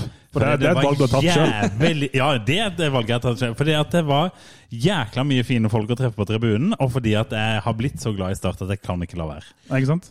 Om, Og, og jeg på en måte eh, møtte jo ikke så mange, men jeg følte likevel tilhørighet til alle jeg sto ved siden av. på en måte. Jeg har vært anonym langsidesupporter i hele mitt liv, mm. men jeg følte en tilhørighet til alle jeg sto rundt likevel. Jeg hadde ikke noe behov for å på en måte det blir, feil å, det blir feil å si bli venner med dem, på en måte, men jeg opplevde de som eh, som venner likevel. Ja. Selv om vi ikke snakka sammen. Venner i fellesskapet. Og det å stå på lang, langsida der, eh, eller sitte Vi var sammen om noe, selv om jeg ikke kjente de. Og det har jeg elska i hele livet mitt.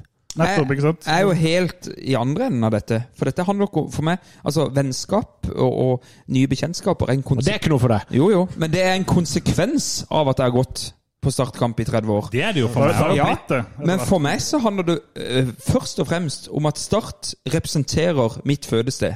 Det re representerer hvor jeg er fra. Det representerer røttene mine. Det er den største Hva skal jeg si eh, eh, Altså, det eh, Det første Når jeg bodd mange år utabys Det første folk ofte spør meg om når de hører jeg fra Kristiansand Ja, du heier vel på Start, du? Ja. Ja, ikke sant? Så alle forbinder oss eh, Kristiansand, og det er mitt opphav, med Start.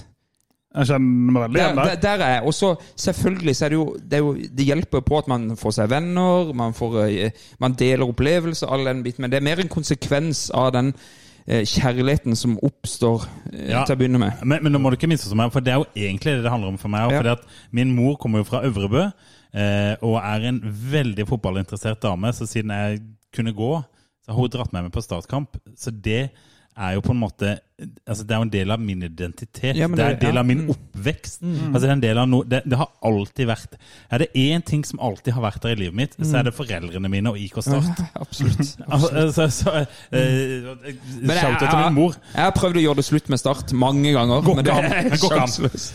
Nei, ikke sant? Men for min del også, ingen av mine foreldre er verken fotballinteresserte eller fra Sørlandet. Så at det, at det er Start, det er litt tilfeldig. Eh, men jeg tror veldig mange litt sånn deler liksom min skjebne av at det er en kompisgjeng som går på kamp. Kristiansand stadion var jo noe unikt, selvfølgelig, hvor man kunne gå fram og tilbake og snakke med mange folk og møte andre og her og der. Men det at det har vart, jeg tror veldig mange sånne Sånn som Kristiansands yng, yngre, eller yngste, eller hva det var for noe. Yngste? Ja Ja, yngste.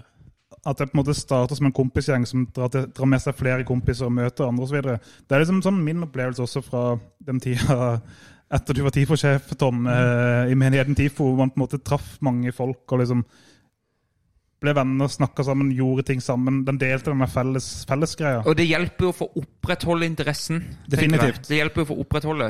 Men jeg tror eh, det er viktig at en, en, en egen uavhengig kjærlighet ligger i bunnen.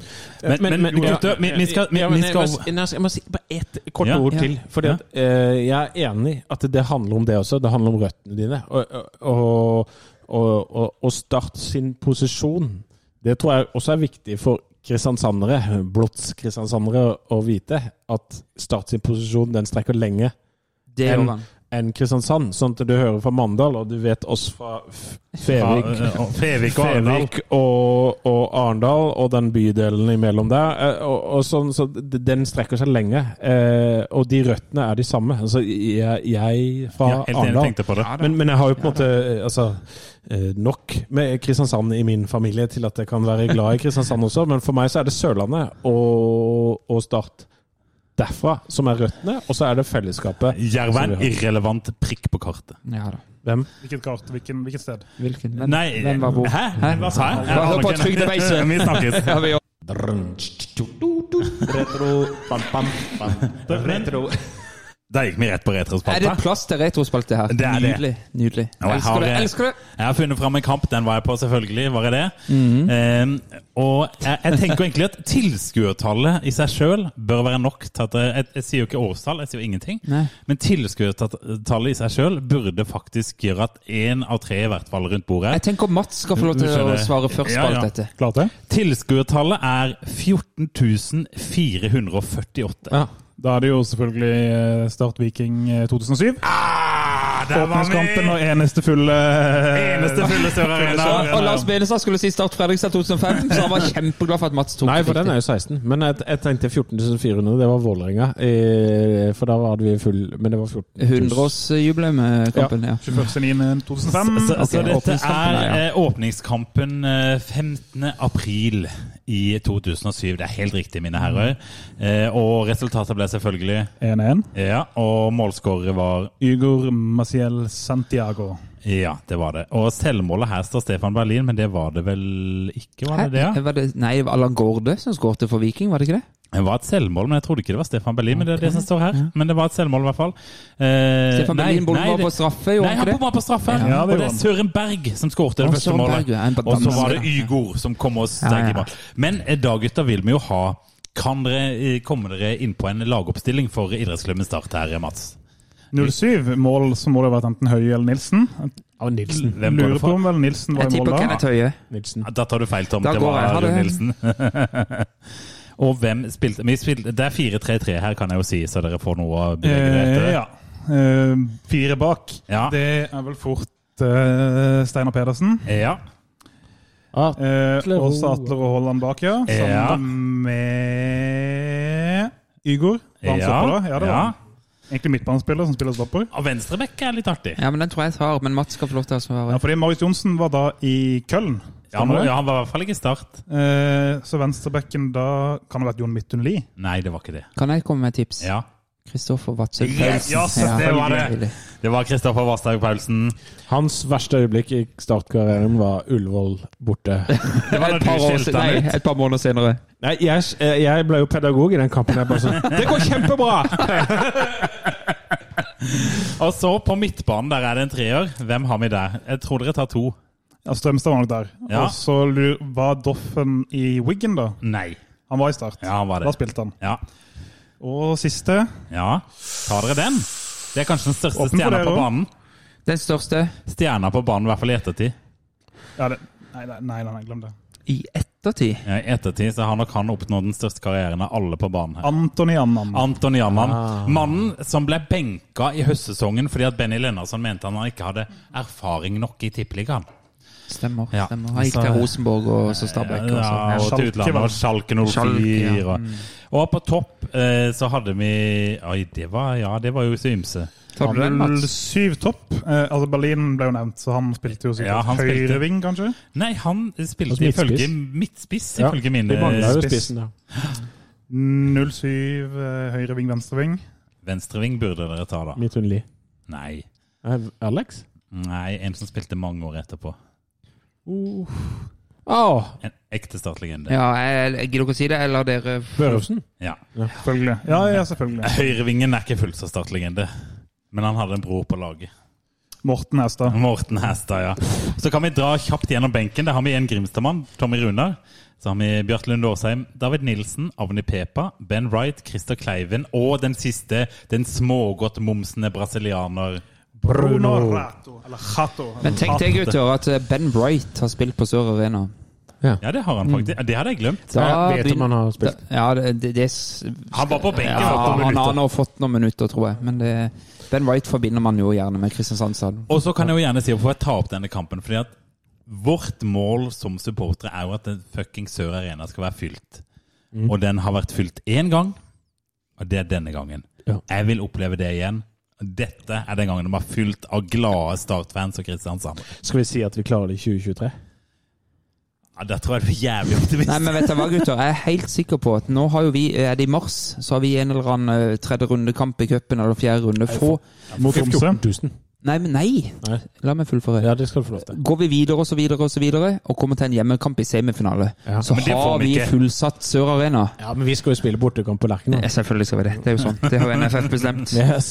Nydelig. Da avslutter du med jinglen da, på retro, eller? Ja, det- si, si, det, eh, men det aller mest spesielle med den kampen, hva var det? Den banen. Gressbanen. Å, fy faen, for en bane. Satt jo ikke fast. Kjør Arena, som det ble kalt. Du, jeg skulle gjerne likt å vært tabloidjournalist akkurat da. Ja, sier det. Retro, bam, bam, bam. Retro. Er det lov å spørre gjesten om hva han syns om uh, jinglen, Lars? Ja, hvis han sier noe positivt, ja. Ja. Da er det ikke lov. Nei, Nei, Men hva syns du om spalta, da? Nydelig. Takk. Ja, ja, Men Nydelig. det er jingle, Jingle han ikke liker. Ja, ja. Er det stemmen til Lars som er problemet? Kan vi ikke bare si en klassisk 'ingen kommentar'? Oi, oi, oi. oi. Skal vi, skal vi ringe noen eh, flere, Lars? Ja, altså Vi må videre i Ja. programmet. Nå har vi snakka med den eh, aller, eh, en av de aller yngste på stadion. Og nå, eller det er ikke riktig, for det er mange barn der òg. Men um, jeg er jo litt opptatt av de som representerer meg også. Altså de som er mer den eh, langsidesupporteren, som er minst like devoted til klubben som de som står og synger. Eller tenker jeg på en måte det, mm, jeg- tenker at det må være lov å si til seg selv. Ja. At det går an å holde kjeft på startkamp og være like opptatt av klubben. Og like glad i klubben. Absolutt. Selvfølgelig gjør Og det har det. en like viktig stemme. Nå vet jeg ikke om denne personen vi ringer nødvendigvis er så stille på stadion, men han er der hver eneste gang. Skal vi ringe han? Ja, vi gjør Så, det. så kan du ta og introdusere han mens vi holder på? Eh, ja. Det kan jeg godt. Ja, Han, han heter Harald Hollerud. Uh, nei, det heter han ikke. Det er broren. han heter Tormod Hollerud. Han legger barn. Uh, han holder på med noen barn som er på sukkerkjøret, så okay. han skulle uh, snike seg unna. Der. Hallo, hallo. Hei, Det er Tormod. hei. Hei, Tormod. Det er Start en pod som ringer. God dag, god dag. Eller god kveld. Har du fått lagt alle ungene, og alt er greit? Ja, omsider. Omsider, ja. Men du, eh, vi ringer deg jo fordi at eh, du er jo en god representant for de, de trofaste supporterne som sitter på langsida og kommer år ut og år inn. Ja. Hvorfor i helsike gjør du det? Nei, det er et godt spørsmål. Eh, apropos det, så kan jeg ta en sånn kort greie. For noen år tilbake så hadde Feven en sak om de som hadde hatt sesongkort eh, etter ti, ti år etter serien åpna. Mm. Så hadde de en sånn i magasinet der med jeg tror det var drøye 100 stykker eller noe som hadde hatt sesongkort alle de årene. Og da um, Jeg kjenner han godeste Pål Jørgensen litt. grann. Ja. Og han sa at uh, han Torgeir som hadde denne saken, måtte snakke med meg. Og så, så gjorde han det, og vi møttes og snakka litt sånn løst og fast om, om det, hvordan det var. Det var på den tida hvor de tok tror det var rekord i antall kamper uten seier, eller om det var antall kamper på rad med tap. eller ja, Det var ganske mørkt i hvert fall. Um, og da sier jeg egentlig en bisetning, da, at jeg lurer på om jeg har en uh, hjerneskade eller en feilkobling i hodet, eller et eller annet sånt.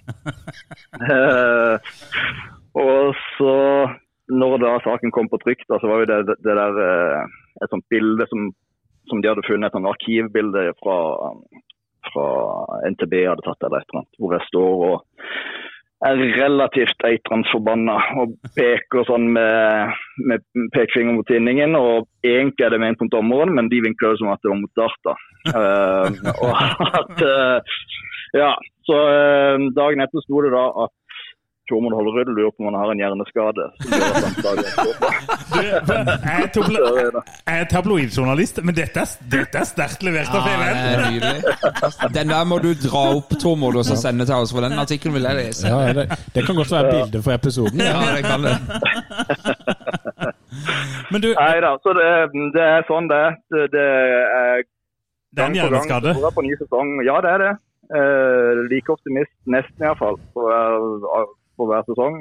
Akkurat nå er jeg ikke så optimist for neste sesong, men det, det kommer nok når vi nærmer oss, tenker jeg. Men du, Vi har vært innom eh, noe av grunnene til at vi holder på med det vi driver med. Da. Og Det er på en måte samhold og, eh, samhold og, og, og glede og, dele, dele, dele følelsene sammen med noen. Har du også, er det sånn at du har sittet ved siden av de samme i disse åra også, eller? Mer eller mindre. Ja. De, eh, de kommer og går litt. Uh, det er ikke alle som har kanskje like sterk feilkobling som meg. Men min bror Harald, han er der stort Ja. sett uh, alltid. Jeg beklager, jeg introduserte deg som din bror bak, sånn at du vet det. Men, Ja, ok. ok. det er jo hyggelig. Han, han retta det opp Ja, før rettet du det kom opp. på lista. Men her har vi da altså et brødrepar Ja. som eh, har sesongkort på langsida, og det er jo Men, nydelig. men er ikke far din også med av og til? Hæ? Nei, det unnskyld. Bare kjør. Hvem andre er du sammen med? Ja. Nei, det er Torjus, og det er Å, Torjus Ravnås. er Torjus Ravnås, ja. Ja. Eh, han er vel kanskje hakket kraftigere feilkobla enn meg. Han er jo kanskje verdens mest optimistiske menneske. Ja da, ja da. Det er han. Så det, men vi passer bra sammen. Eh, og så er det en del som er litt sånn at de av og til prioriterer andre ting i livet òg. Ja. så og det Feilprioriterer, mener du? Eh, det kommer kanskje litt an på hvordan kampen går. Det er jo av og til de har gått glipp av noe. Selv denne sesongen her så gikk de jo glipp av f.eks. en kamp mot Sogndal, og det er en del av de som ikke var på. Og da syns jeg det var noe av det fineste jeg har hatt av 90 minutter i år. Eh, hvor jeg bare satt med et stort lys hele kampen. Ja. Hvordan, er, Så- hvordan, er, hvordan vil du beskrive tribunelivet i år? Altså, eh, eh, hvordan, har du, hvordan har det vært, på en måte? Altså, det, ikke nødvendigvis det som har skjedd på banen, men, eh, men er du fornøyd med, med arrangementet? Ja, det, det som har vært selvfølgelig veldig veldig gøy i år, er jo Lonsia. da. Eh, og det ikke bare for de som har vært der og hva det betyr for de på banen, men også da for de av oss som sitter resten, altså på resten av stadion. For det, det smitter enormt, den entusiasmen de har. Og det å se barn og unge som på en måte, enten om de bare sitter der de sitter her med oss, eller om de går bort til de i løpet av kampen og, og blir med på galskapen, er jo eh, veldig ja, ikke bare inspirerende, det er jo på kanten til rørende. Men, men du sier jo sjøl at galskapen og sånn, og så har du ti år med sesongkort på langsida. Hva er grunnen til at Tormod Hollerud aldri har vært på langsida? Jo, jeg har faktisk vært der. Eh, eh, etter eh, en meget pen oppladning med en livepod i sommer, ah. Så var faktisk stemninga såpass eh, god at vi bestemte oss at den kampen skulle vi, skulle vi stå der. Og det var jo eh, Vi trenger ikke gå inn på resultatet og sånn, men, men selve, selve kampen ble jo faktisk en veldig god opplevelse bare ved å stå der. Men er du litt sånn som oss som kjente på at ikke sant, For det er jo eh, Jeg, er jo, jeg har jo sjøl gått på, på supporterfeltet i mange år, men jeg kjenner jo nå at kanskje mine dager har kommet, på en måte. At jeg jeg får jo Ja. hodepine etter 17 minutter og alt det der. Er det, er det litt det som tar deg nå, tenker du? Og syns at du kan bidra like mye på langsida? Ehm, jeg, har no, jeg er nok veldig delt. For jeg, jeg har en, ehm, en side av meg som har veldig lyst til å på en måte bare være fullstendig ko-ko hele kampen. uh, og så har jeg den andre som har lyst til å konsentrere seg og på en måte om det som skjer der på banen. Det er ikke så like lett da når du står med folk som ja, klapper med skoene sine og eh, en drøss med flagg og litt av hvert som står foran. Og, ja. Så, Nei, det er eh, lett å forstå det der, Tormod. Det er lett å forstå det. Og det er jo ingen som skal det jo- vi prøver å, Eller jeg prøver overhodet ikke å, å, å ta deg på noe her, men det er bare interessant å høre hvorfor folk velger langside når de er så engasjerte og ikke er på, på supporterfeltet. Men, men eh, for min del så handler det nå da i hvert fall om, om om alder og at man kjenner at man ikke helt strekker til lenger. Men, men hvor, kan jeg bare spørre deg, er du, er du på bortekamper i tillegg til å være langsidesupporter hjemme? Ikke ikke så mye som, som jeg skulle ønske. Uh, jeg var på den uh, i Sandnes, uh, cupkampen. Mm. Uh, og så Nei, jeg har vel ikke vært på noen andre i år. Nei. Jeg hadde jo dratt på sikkert noen på slutten hvis det hadde vært Direkte Ja, iallfall kvalik, da. Ja, den, Ja, ja, ja. Sandefjordkampen Sandefjord-kampen Um, vi klippa glipp av, alle mann, ja. Mm. Yes, yes, den var ekstremt bitter. altså. Og den, den Kongsvinger-kampen er- den, den sitter fortsatt i. Eh, Ja, på en ganske vond måte. Mm. Eh, for det Snakk om dekka bord, da. Ja, det, ja. Men, Men, vi, men- vi avslutta den i forrige episode, vi, så, eh, men det er Ja, greit. ja, Jeg ja, skjønner, jeg skjønner hvor du vil. Jeg skal ikke snakke mer om det. Men, men, men det er jo det som er greia. da. Sånn generelt så går jeg jo til det samme hvert år. Det er jo absolutt hele følelsesregisteret. Er, og den Kongsvinger-kampen er bare så godt eksempel på hvor sykt, sykt sint jeg kan bli. Eh, så det Ja, det, det er den ene sida, men så er det heldigvis så sitter de positive minnene enda sterkere. da. Så selv på en sånn sesong som dette her, som egentlig endte jo ganske skuffende, så, så har jeg ingen god grunn til å la være å fortsette å kjøpe sesongkort. Nei, så du, er, du blir å se på stadion åkke som i årene som kommer. Ja, ja. Så lenge helsa holder. Deilig. deilig. Ja. Det er noen år til det. Ja, jeg satser på det. Men er det nok is i kiosken? Nei. Nei. Det, og det er, er det, Hvis det går an å komme med Heid og Bleik Ja, Ja, Så- ta- kom det! Kom med det! Årets Ja. Årets Bleige nå, Tormod. Uh, Bleik jeg kan jo da, siden vi var inne på det, det er godeste Henning Olsen. Altså. Mm. For uh, det er Jeg tipper vel at jeg gjennom alle disse årene har hatt en kronesis jordbær i minst 80-90% av kampene har vært på. Det er sånn av og til at man på en måte bare ikke frister. Kan at det er, kanskje man må på do eller noe i pausen istedenfor. Men, men stort sett så har det uansett temperatur vært en kronesis. Og når da tradisjoner blir brutt på litt sånn Det føles så sykt unødvendig. Eh, at vi ikke kan bare få den der eh, Den lille tradisjonen man har da i pausen. Så eh, ja. Og så har jeg jo en drøss av andre som kunne fått den, men, men eh, det var nå det jeg endte opp med, tror jeg. Så han går, går han til kiosken, eller går han til Henning Olsen-is? Jeg vet jo egentlig ikke hvem som har skylda. Um, Det er for lite is. Ja, for ryktene sier at det er noen produksjonsutfordringer hos Henning Olsen, men uh, ja. ja, ja. Jeg får tak i Henning Olsnis Jeg får tak i Henning Olsnis hele tida i Drøbak, f.eks., som er langt unna. Så jeg, jeg vet ikke om det er der problemet Her på Torshov var det, det vært flomma over med jordbæresis. Det eneste problemet jeg har hatt i sommer, er at min sønn elsker den der softshake-isen. Den den- har vi ikke fått tak i. Nei. Men en kronesis får tak i hele sommeren. Nei, men Det er nydelig bleik, Tormod. Har du en hei da? Du, det har jeg, og den vil jeg jo kanskje si er enda nydeligere. Oi! For det er dere. Nå, ble, nå jeg må bare gå ut. Nei, vet du hva. Vet du hva. Men er Nei, men, ja. men det, må, det må jeg si. Altså, for det å holde koken som dere har gjort eh, gjennom en sesong som er en såpass berg-og-dal-bane som dette her, og jeg har sett hvor mye det har betydd, ikke bare for meg sjøl. Altså, jeg er jo, som vi har vært innpå, der uansett, men jeg er ganske sikker på at dere har generert flere tilskuere enn eh, enn det som ville vært hvis dere ikke var der. ja, jeg vet at vi har generert én, og det er egentlig nok for at vi har gjort vår mission. Så, Det er mye mer enn én. Det er Mye mer enn én.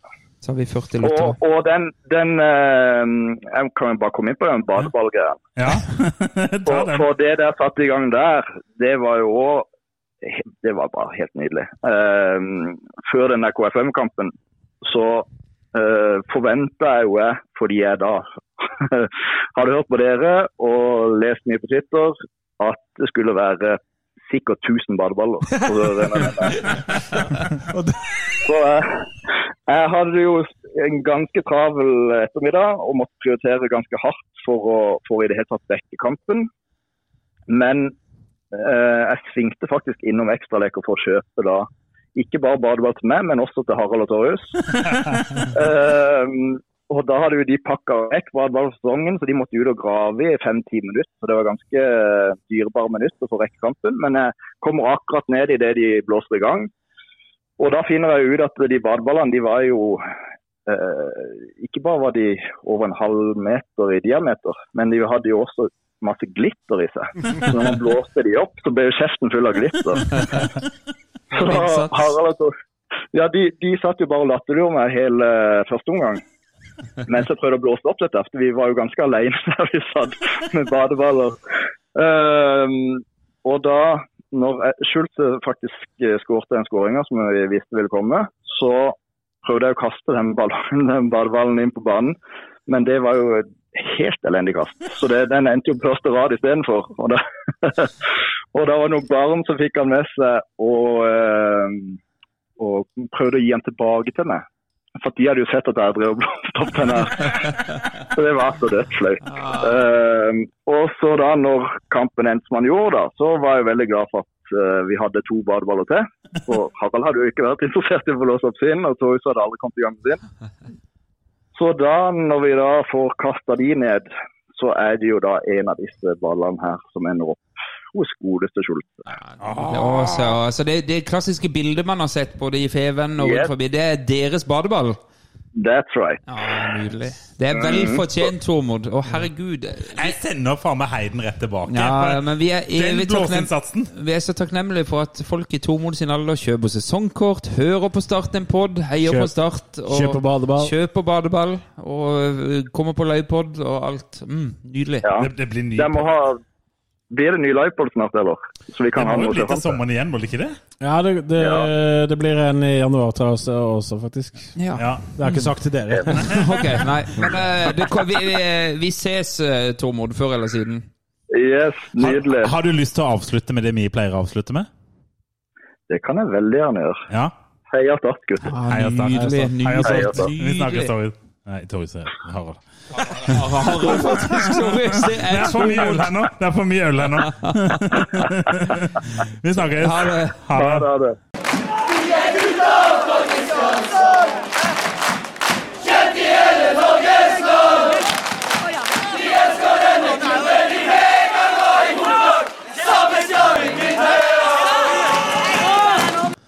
Flott fyr.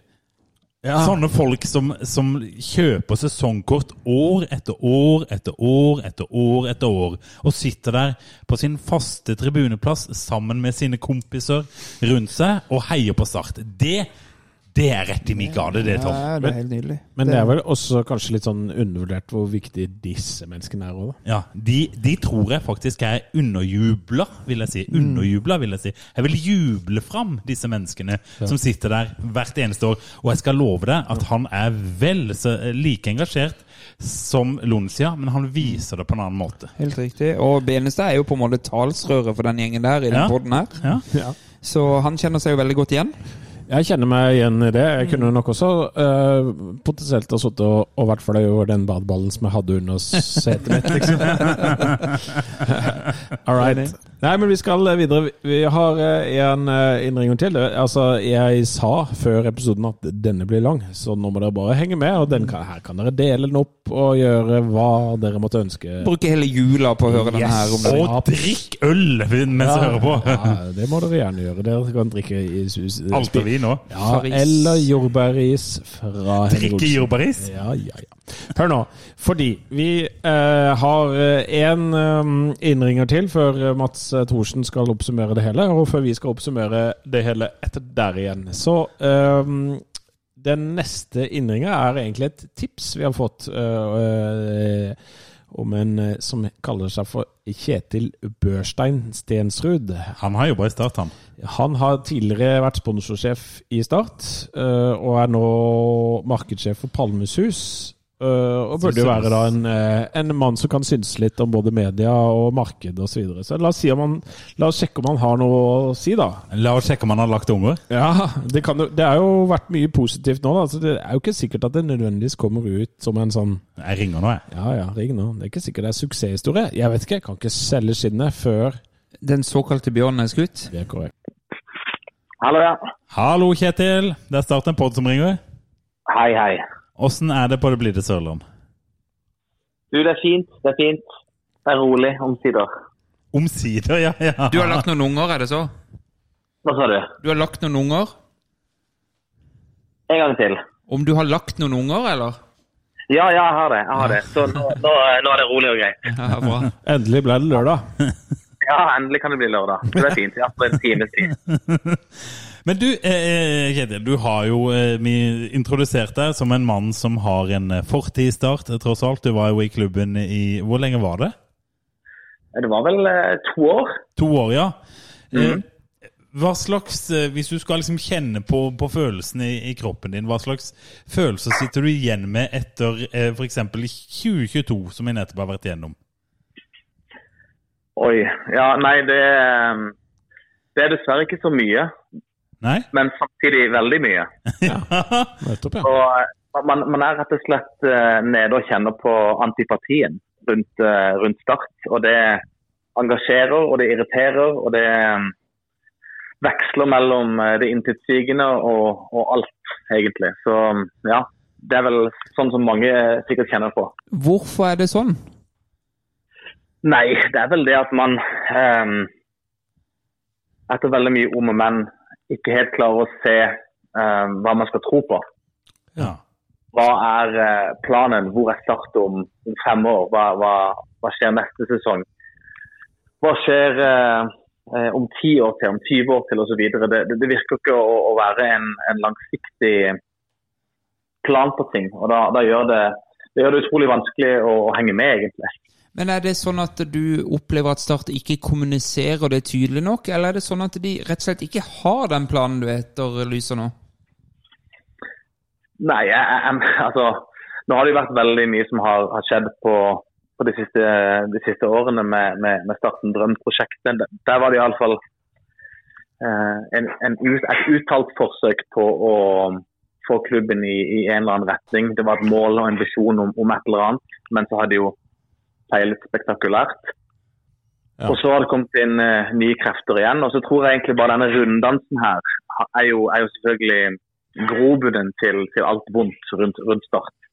Så jeg tror veldig mange uh, rundt meg, og, og meg selv inkludert, ikke lenger klarer helt å se hva, hva Start prøver på. Og hva de, hva de egentlig ønsker, og hva som er planen.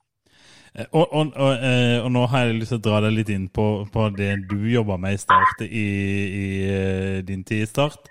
For, for alle fotballklubber må jo på en måte selge seg sjøl ut mot folk, ut mot, altså ut mot sponsorer. Eh, Tenker du, i, i, sånn som du tenker nå, at hva, hva på en måte kan Start gjøre annerledes, eller hva tenker du om måten Start selger seg ut på til sine nærområder? Ja, altså jeg har, jeg har jo alltid synes at det har vært veldig spesielt at ikke eh, det på noe tidspunkt egentlig har vært en eh, rendyrka marketingperson i Start. Ja. Og, og det kjennetegner jo ikke bare Start, men, men kanskje hele toppflighten av, av norsk fotball. Det er uhyre få eh, markedsprofesjonelle mennesker som, som jobber i, i fotballen. Men hvis vi holder oss til start, så, så er det jo, eh, mener jeg, høyst merkverdig at ikke, at ikke det på noe tidspunkt, så, så lenge jeg kan huske eh, Jeg mener at det var på, Når Sør Arena ble åpnet i, i 2007, så mener jeg at det var en såkalt eh, markedsansvarlig B2B eh, og en markedsansvarlig B2C, altså Business to Consumer, en klassisk markedssjef ut mot vanlige forbrukere, konsumenter, sørlendinger. ja. Eh, Men siden den gang så mener jeg at det ikke har vært en eneste markedssjef i, i Start. Og det er jo veldig spesielt hvis du ser på, på absolutt alle andre virksomheter som forsøker å nå ut og fram til um, den gemene hop.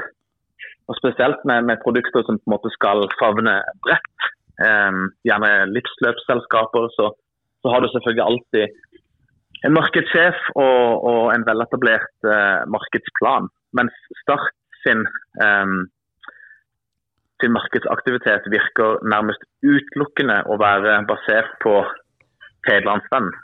Ja. Og det stemmer meg egentlig ganske, ganske mye, fordi um, ja, det er basert på hvor mange abonnenter Fedlandsvenn har. Og så så kan du se opp imot nedslagsfeltet til Start, som bør være 300 000 mennesker som er tilknyttet Sørlandet. Så er det jo utrolig mange man, man, man aldri rett og slett eh, når ut til. Men, eh, nå, nå har jo Start en, en såkalt eh, markedsfyr i for, Er det Christian Westgård vel som er på en måte litt sånn sponsormarked? Han er vel en sånn salgssjef, da. Men, Ja, riktig. Men, men eh, for, for Arne Simonsen, som var markedssjef, han har jo slutta.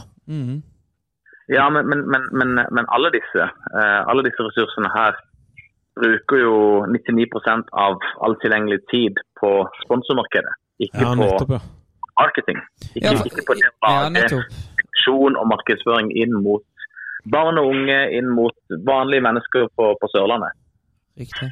Er det Ja, da- så, det, så det er det du ja. savner, den derre eh, at Start eh, eh, skal nå ut til eh, jeg håper å si, de vanlige kundene sine, altså der meg som går på stadion?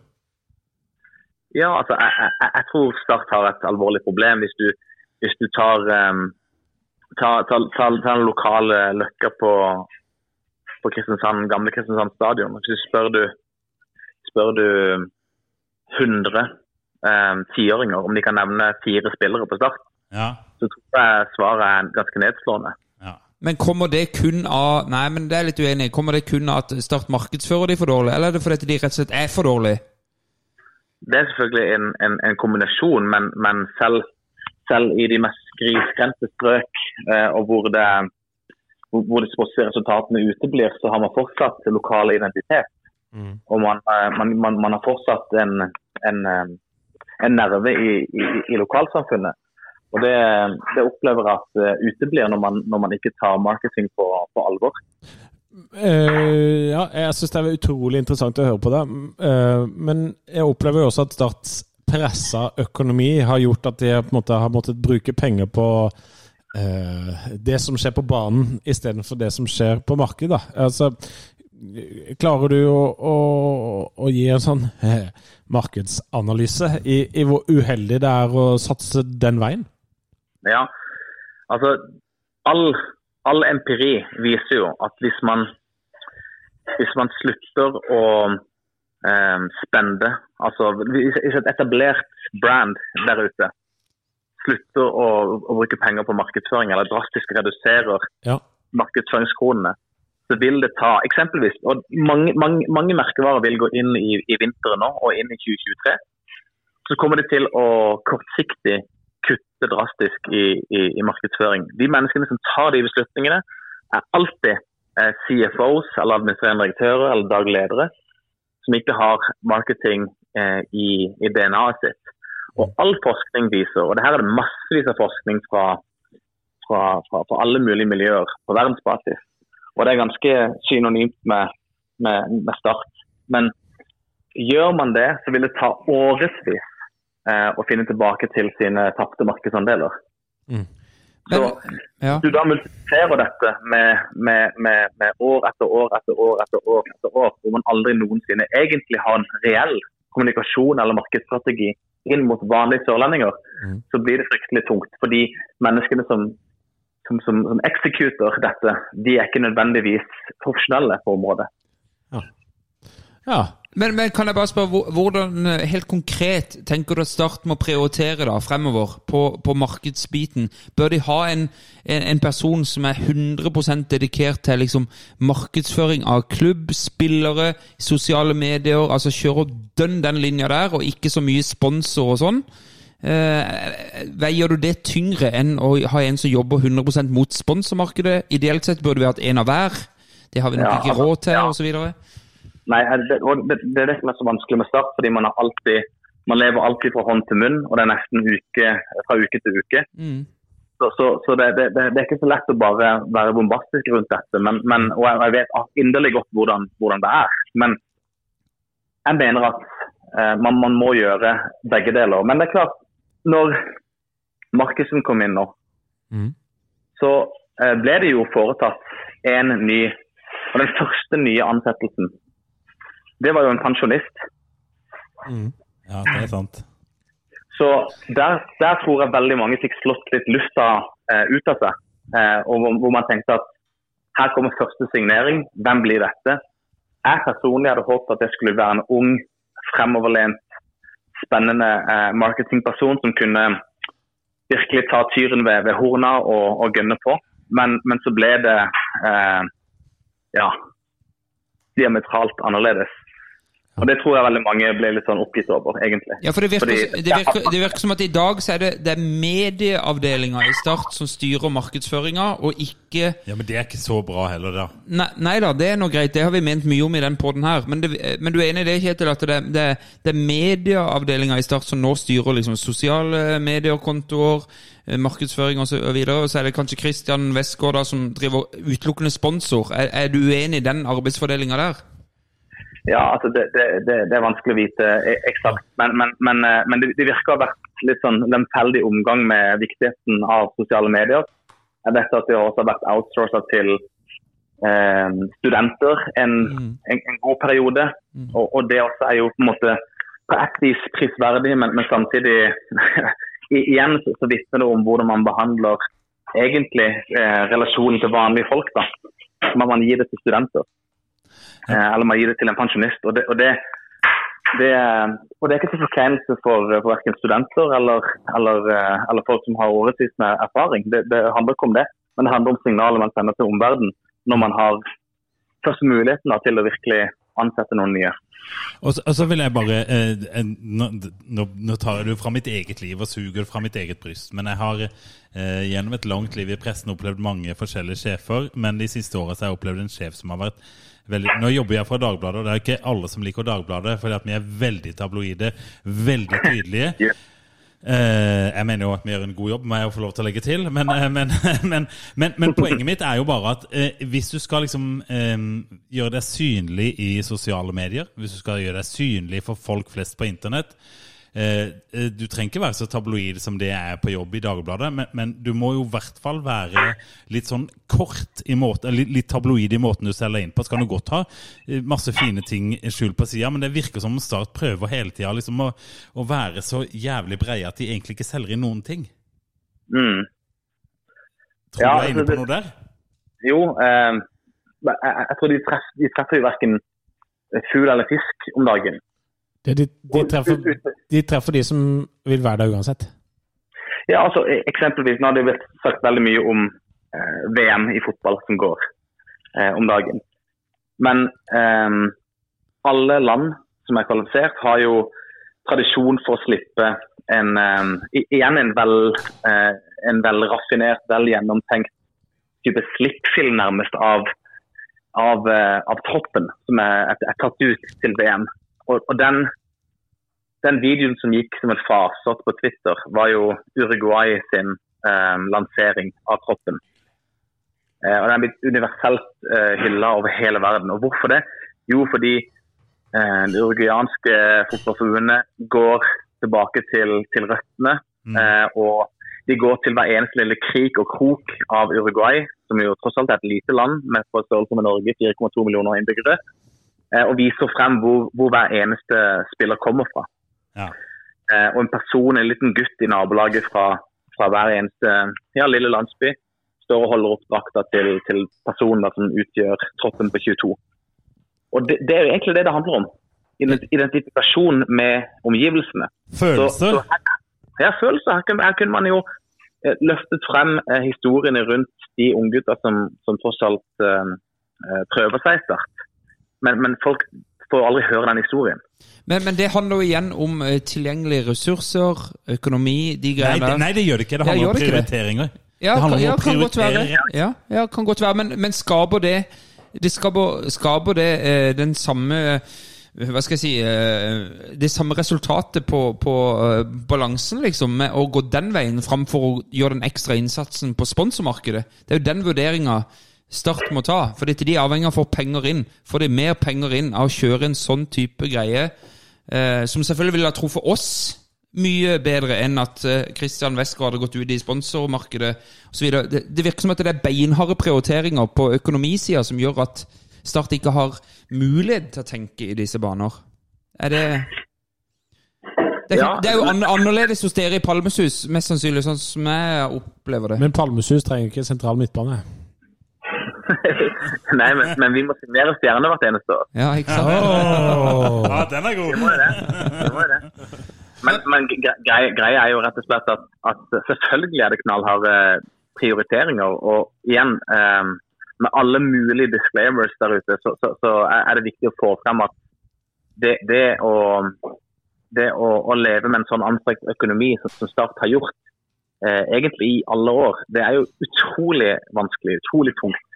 Men jeg tror samtidig at um, det finnes noen muligheter til å kunne tenke uh, annerledes, til å tenke kreativt, til å tenke nytt. Uh, selvfølgelig så må man bruke masse tid og ressurser inn mot uh, det kommersielle markedet. Man trenger penger inn. Men jeg tror f.eks. at um, det finnes flere uh, merkevarer på Sørlandet som kunne tenke seg å identifisere seg med la oss si en sånn type storytelling. Jeg tror mange partnere kunne tenke seg å istedenfor å betale la oss si 1 million kroner inn i et sort hull, så kunne man heller betalt 1 million kroner til en eh, ressurs som kunne laget content i et helt år, og så fått merkevaren sin med på det. Så man har skapt en vinn-vinn-vinn-situasjon. Vinn for Sørlandet, vinn for spilleren, vinn for, for merkevaren. Ja, dette er jo fasit. Det er klart, eh, Man må tenke stort også. Ja, helt enig. Eh, Mats? ja, nei, jeg lurte egentlig på om du hadde noen eksempler på, på hvordan andre klubber i Norge løser det. Som, Syns du det er noen i Norge som får til den markedsføringsbiten godt?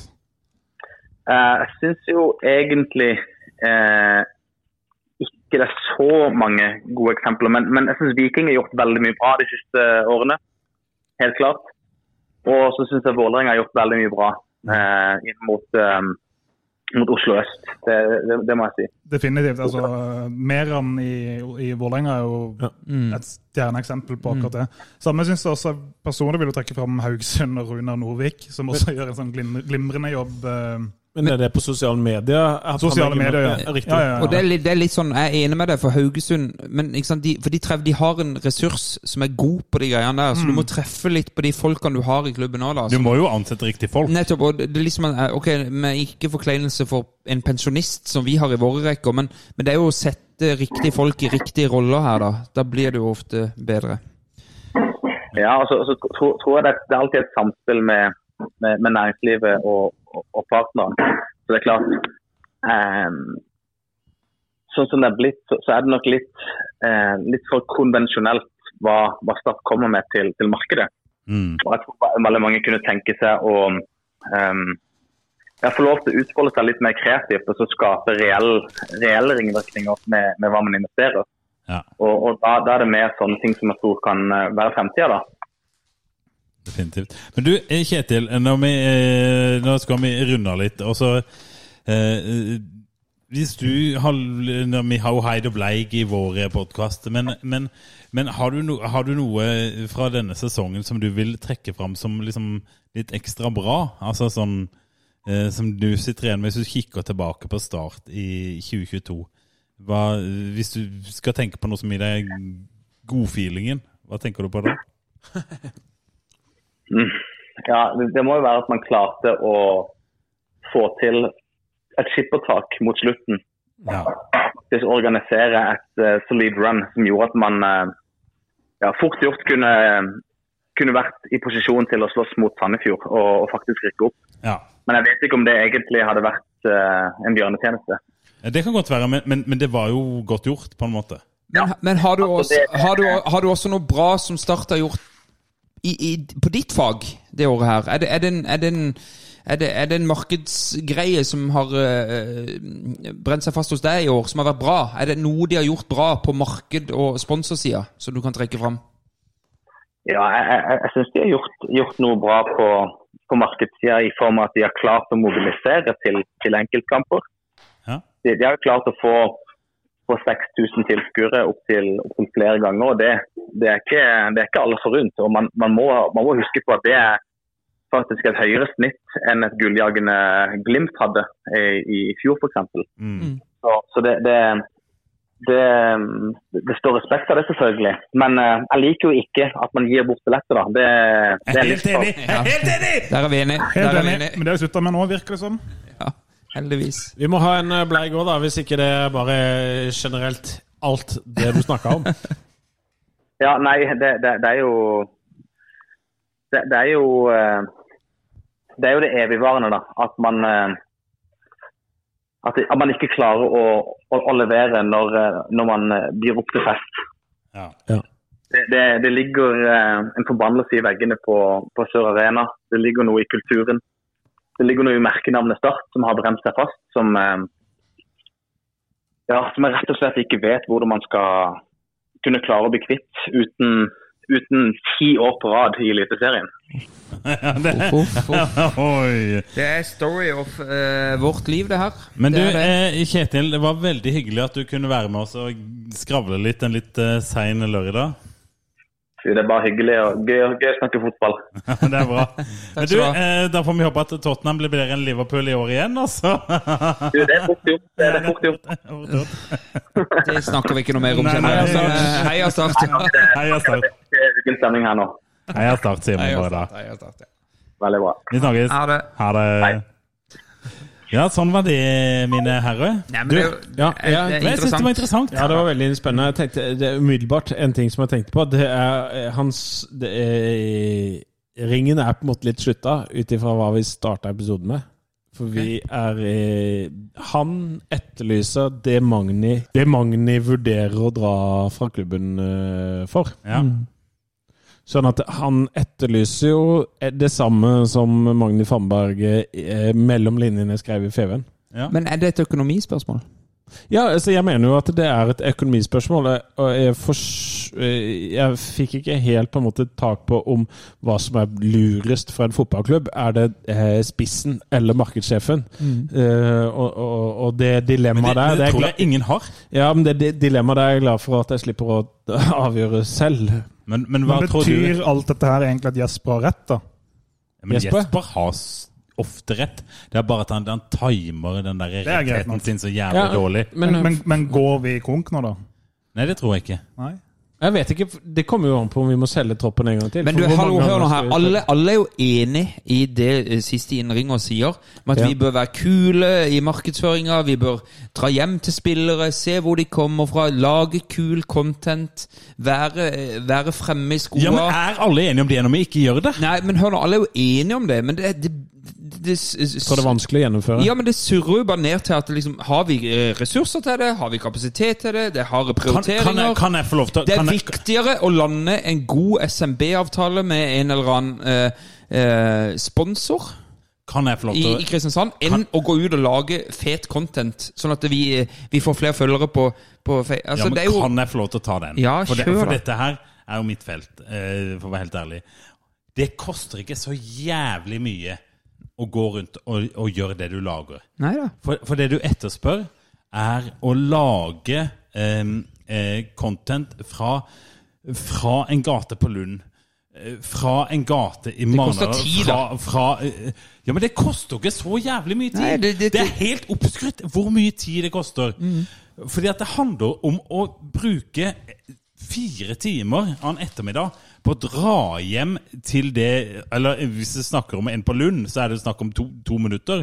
Eh, altså, Å dra hjem og så lage Det handler om å, å sette seg ned og tenke at dette skal vi lage. Men det er jo det Mats sier med Haugesund. De er heldige. De har fått en fyr i den rollen Ja, der. men det er som- alt det bra sier! mann for det. Ja, men det er som jeg sier, han, han, er, han er jo der. De har jo vært kjempeheldige med den ansettelsen. Start har jo ikke vært heldig med en ansettelse på 30 år. Ja, men de ansetter jo bare kompiser. Ja, Den, var, den var slem, men, Men det er, er, det er en ting jeg er uenig med han eh, forrige innringeren om. Det er at det er liksom eh, antipatien som, som ble Ja, beskrevet. Men, men, Jeg er helt uenig sjøl. ja, men ja, jeg skal bare si at nå har vi jo ikke gitt tilsvarsmuligheter her, så da ringer jo sikkert Trondheim igjen. Men, men Fordi at vi har akkurat hatt Cornelius her. Jeg er Og- og helt uenig. Vi har akkurat hatt Cornelius her, som beskriver eh, eh, Motsatte. det motsatte av det han beskriver. Så, eh, eh, så det, det, her er det nok også noe i, i det Igjen, tilbake til det Fannberg snakker om. At man ønsker i sin identitet å være noe annet. Man ønsker ikke å være en Obos-klubb, og, eh, og så er man og, så- og så vil man være ja, øh, Og så er, er det litt øh, Så så samsvarer ikke det med hvor man er, da. Mm, helt enig. Men rett skal jo på en måte være rett, fordi Cornelius og co. har jo på en måte skapt noe sjøl, heller enn Yes. å måtte bli dratt med av start, media og hva det skulle være. Det er jo noe på en måte det er et utspring fra de. Det er ikke Ja. utspring fra klubben. på noe som helst måte. Men, men kunne Cornelius og de vært, kunne de vært 100 istedenfor 50 hvis Start hadde gjort en bedre jobb Ja. med den biten her? Helt klart. Det er jo det det handler om. Det er jo det det handler om. Og, og så, så vil jeg jo si det, det med den antipatien. For det, jeg, jeg rakk ikke å arrestere ham på det. Men han beskrev en antipati. Men så var de fem neste setningene hans fortalte meg jo at han, han er opptatt av Start. Og der er ikke antipati Ja, lenger. nei, men, jo, men, det er ikke apati, det er antipati. Det er, Ja. det er litt for, nyanse der, da. ja. Men, Men, ja. men, mm, men eh, vi, vi skal ikke gå inn i en diskusjon av en som ikke lenger er med i eh, For det har vi det lært. For det har vi lært nå. Vi- Vi skal ikke diskutere noen som ikke kan diskuteres. Hva heter han der mediesjefen borti der? Torgeir? Hvor? Torgeir, kan ikke du ringe? Jeg husker ikke. Han heter uh, Jørgen Stenseth og er Jørgen mediesjef i oss Rosenborg. Vi trenger Årets break. Ja. Årets break. Ok, Ja, men, nå men nå tar vi oss en liten jingle, og så går vi Det er akkurat det vi gjør.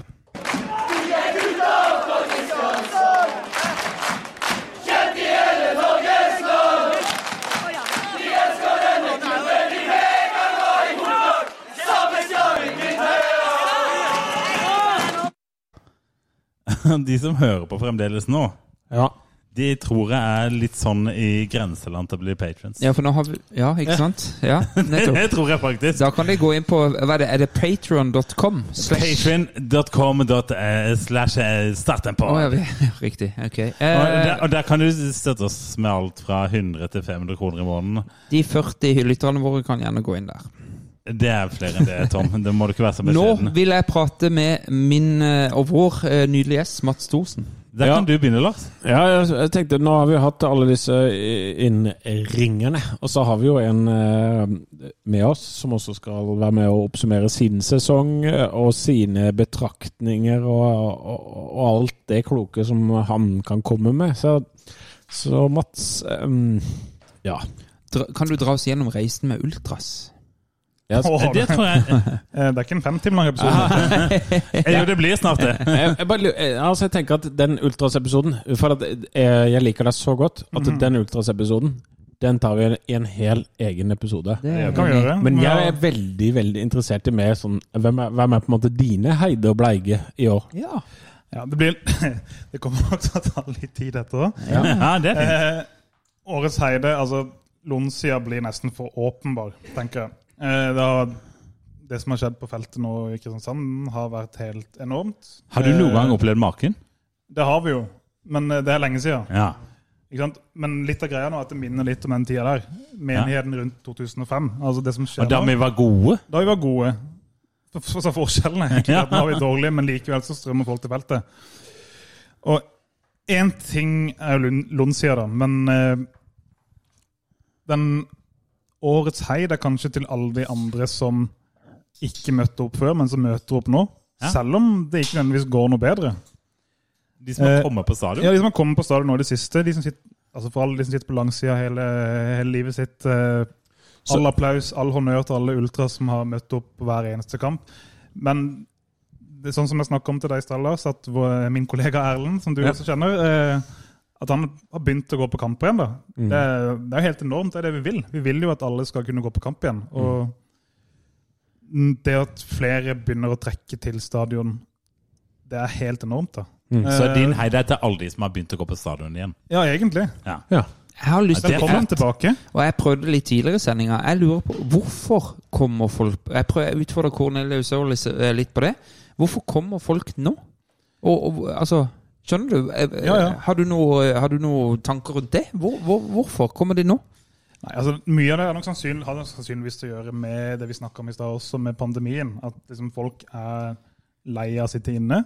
Eh, det som er mest oppsiktsvekkende, er jo det vi snakka om i stad, også med de, med de yngre. At de yngre møter opp igjen. For det er jo noe helt nytt, egentlig. Ikke helt nytt, det er, det er løgn å si, men det, men det, men det er liksom det, vi har opplevd, det jeg har opplevd da, siden 2005, er jo på en måte det at i 05 så var, var jeg sjøl blant, de blant de yngste.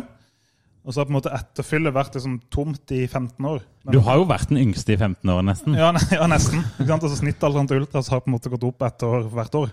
Mm. Nå plutselig flommer det over av unge kids jeg aldri har sett eller møtt før, som, som er på stadion. Og Det er helt, helt enormt. Men kan det, være, kan det være min teori, eller en teori jeg har, er at de, eh, at de unge til og med klarer å distansere seg til den moderne fotballen og den, den internasjonale fotballen som en sånn Det er ikke fotball lenger, det er bare underholdning. Er- At den identitetsgreia som kanskje mange i vår generasjon fikk med Liverpool og Manchester United og alt det her på 90-tallet, da, da klarte man å få en identitet også til de lagene der. For dette var ikke så eh, Altså, eh, det var ikke Det var ikke så kvalmt. Nei, men, nei. Nei. nei, det, det har du nok rett i. Men kommer, kommersialiseringa av dette her Tror du at eh, til og med de unge nå, Cornelius og de som er yngre enn han nå, nå klarer å, å, å faktisk få det blikket på den internasjonale fotballen? At det er noe Det, det er kun underholdningsbasert. Mens at, at eh, Hvor finner jeg liksom identiteten? Altså, jeg- den lokale fotballen, liksom. Altså, jeg håper jo det. Eh, Det er vanskelig, altså, vanskelig å vite. Nei, det er bare en teori jeg har, gjort, at det- gjort noe liksom, undersøkelse, men, men altså, ja, jeg håper jo virkelig det. Mm. Jeg håper jo virkelig at folk opplever det å gå på startkamp som autentisk, som noe ekte. som liksom det det er en del av meg. Det er Mm. identiteten min. da. Det er det jeg håper. Og, og det å følge laget sitt gjennom Fifa og IPTV, eller hva folk ser på Mm. når de ser på engelsk fotball, så, så er ikke det det samme, da. Det er, altså det er mer ekte da, å gå på startkamp og lide seg gjennom Start de fleste, de fleste kampene. Ja, ja, ja. Mm. Eller kan det være så banalt at det bare er rett og slett tilfeldig? At det var tilfeldig at akkurat i år, i 2022, så bare var det en generasjon som kom. Det var en Cornelius-type som bare var flink til å dra med seg folk. Altså, er det bare tilfeldig? Um, ja, det er vanskelig å svare igjen. Ja. Men, men, men selvfølgelig, altså Igjen tror jeg pandemien har mye å si. Og så trenger man jo også sånne folk som Cornelius som drar i gang andre. Og når, når andre blir dratt i gang og opplever at det er fett å gå på startkamp, så møter de opp igjen. Og møter opp igjen, og så er det, drar de med seg en kompis igjen. Drar på borteturer, lager liksom en gjeng da, som går, går på kamp sammen. De opplever liksom fellesskapet, de opplever tilhørigheten, de opplever alt det greiene som, som vi har opplevd i vår oppvekst. Altså alle oss, alle oss, i hvert fall vi, vi, vi tre, opplevde jo det fellesskapet med menigheten. Dra på bortetur, fulle busser. Alt det der, da. Men, det, men det, det er jo ikke fett. Det er jo ikke fett med ja, det to- det jo- ikke fett med 2-2 mot Raufoss. Så det er Nei, åpenbart men- ikke det sportslige som trekker man. Nei, nei, nei. Men, men det, det, det, det, du sier det er ikke fett, men det er jo fett. Det er jo dritfett. Hvis du fjerner resultatet, da. Ja, men det er det det- det er jo, ja, men det, det, det. Når, når, jeg, når jeg satt i, i en, rundt når jeg var, for 20 år siden, når jeg var halvparten så gammel som jeg er nå, satt på en buss på vei til Sandefjord borte, ved siden av en kompis med hver vår øl, så da. var det det feteste i hele verden. Det er jo litt sånn min, som jeg snakket om i, i starten min også. da. Altså, man husker jo ofte ikke kampene, man husker ofte det sosiale. Sånn er det jo, altså Jeg satt og vurderte fem-seks eh, minner, og alle minnene handla liksom om det sosiale. Rosenborg borte i cupfinalen, ikke sant? Altså, da vi tok turen opp herregud. Når vi og de tok eh, tog opp Tok tog opp Og eh, den skulle tidlig torsdag morgen. ass. Ja, Kim, du skulle også vært med der, ja. Ja, og nattoget Tidlig opp hjem på nattog hjem der Ja, ja. eh, fulle og på jobb dagen etter. Det er sånn, altså.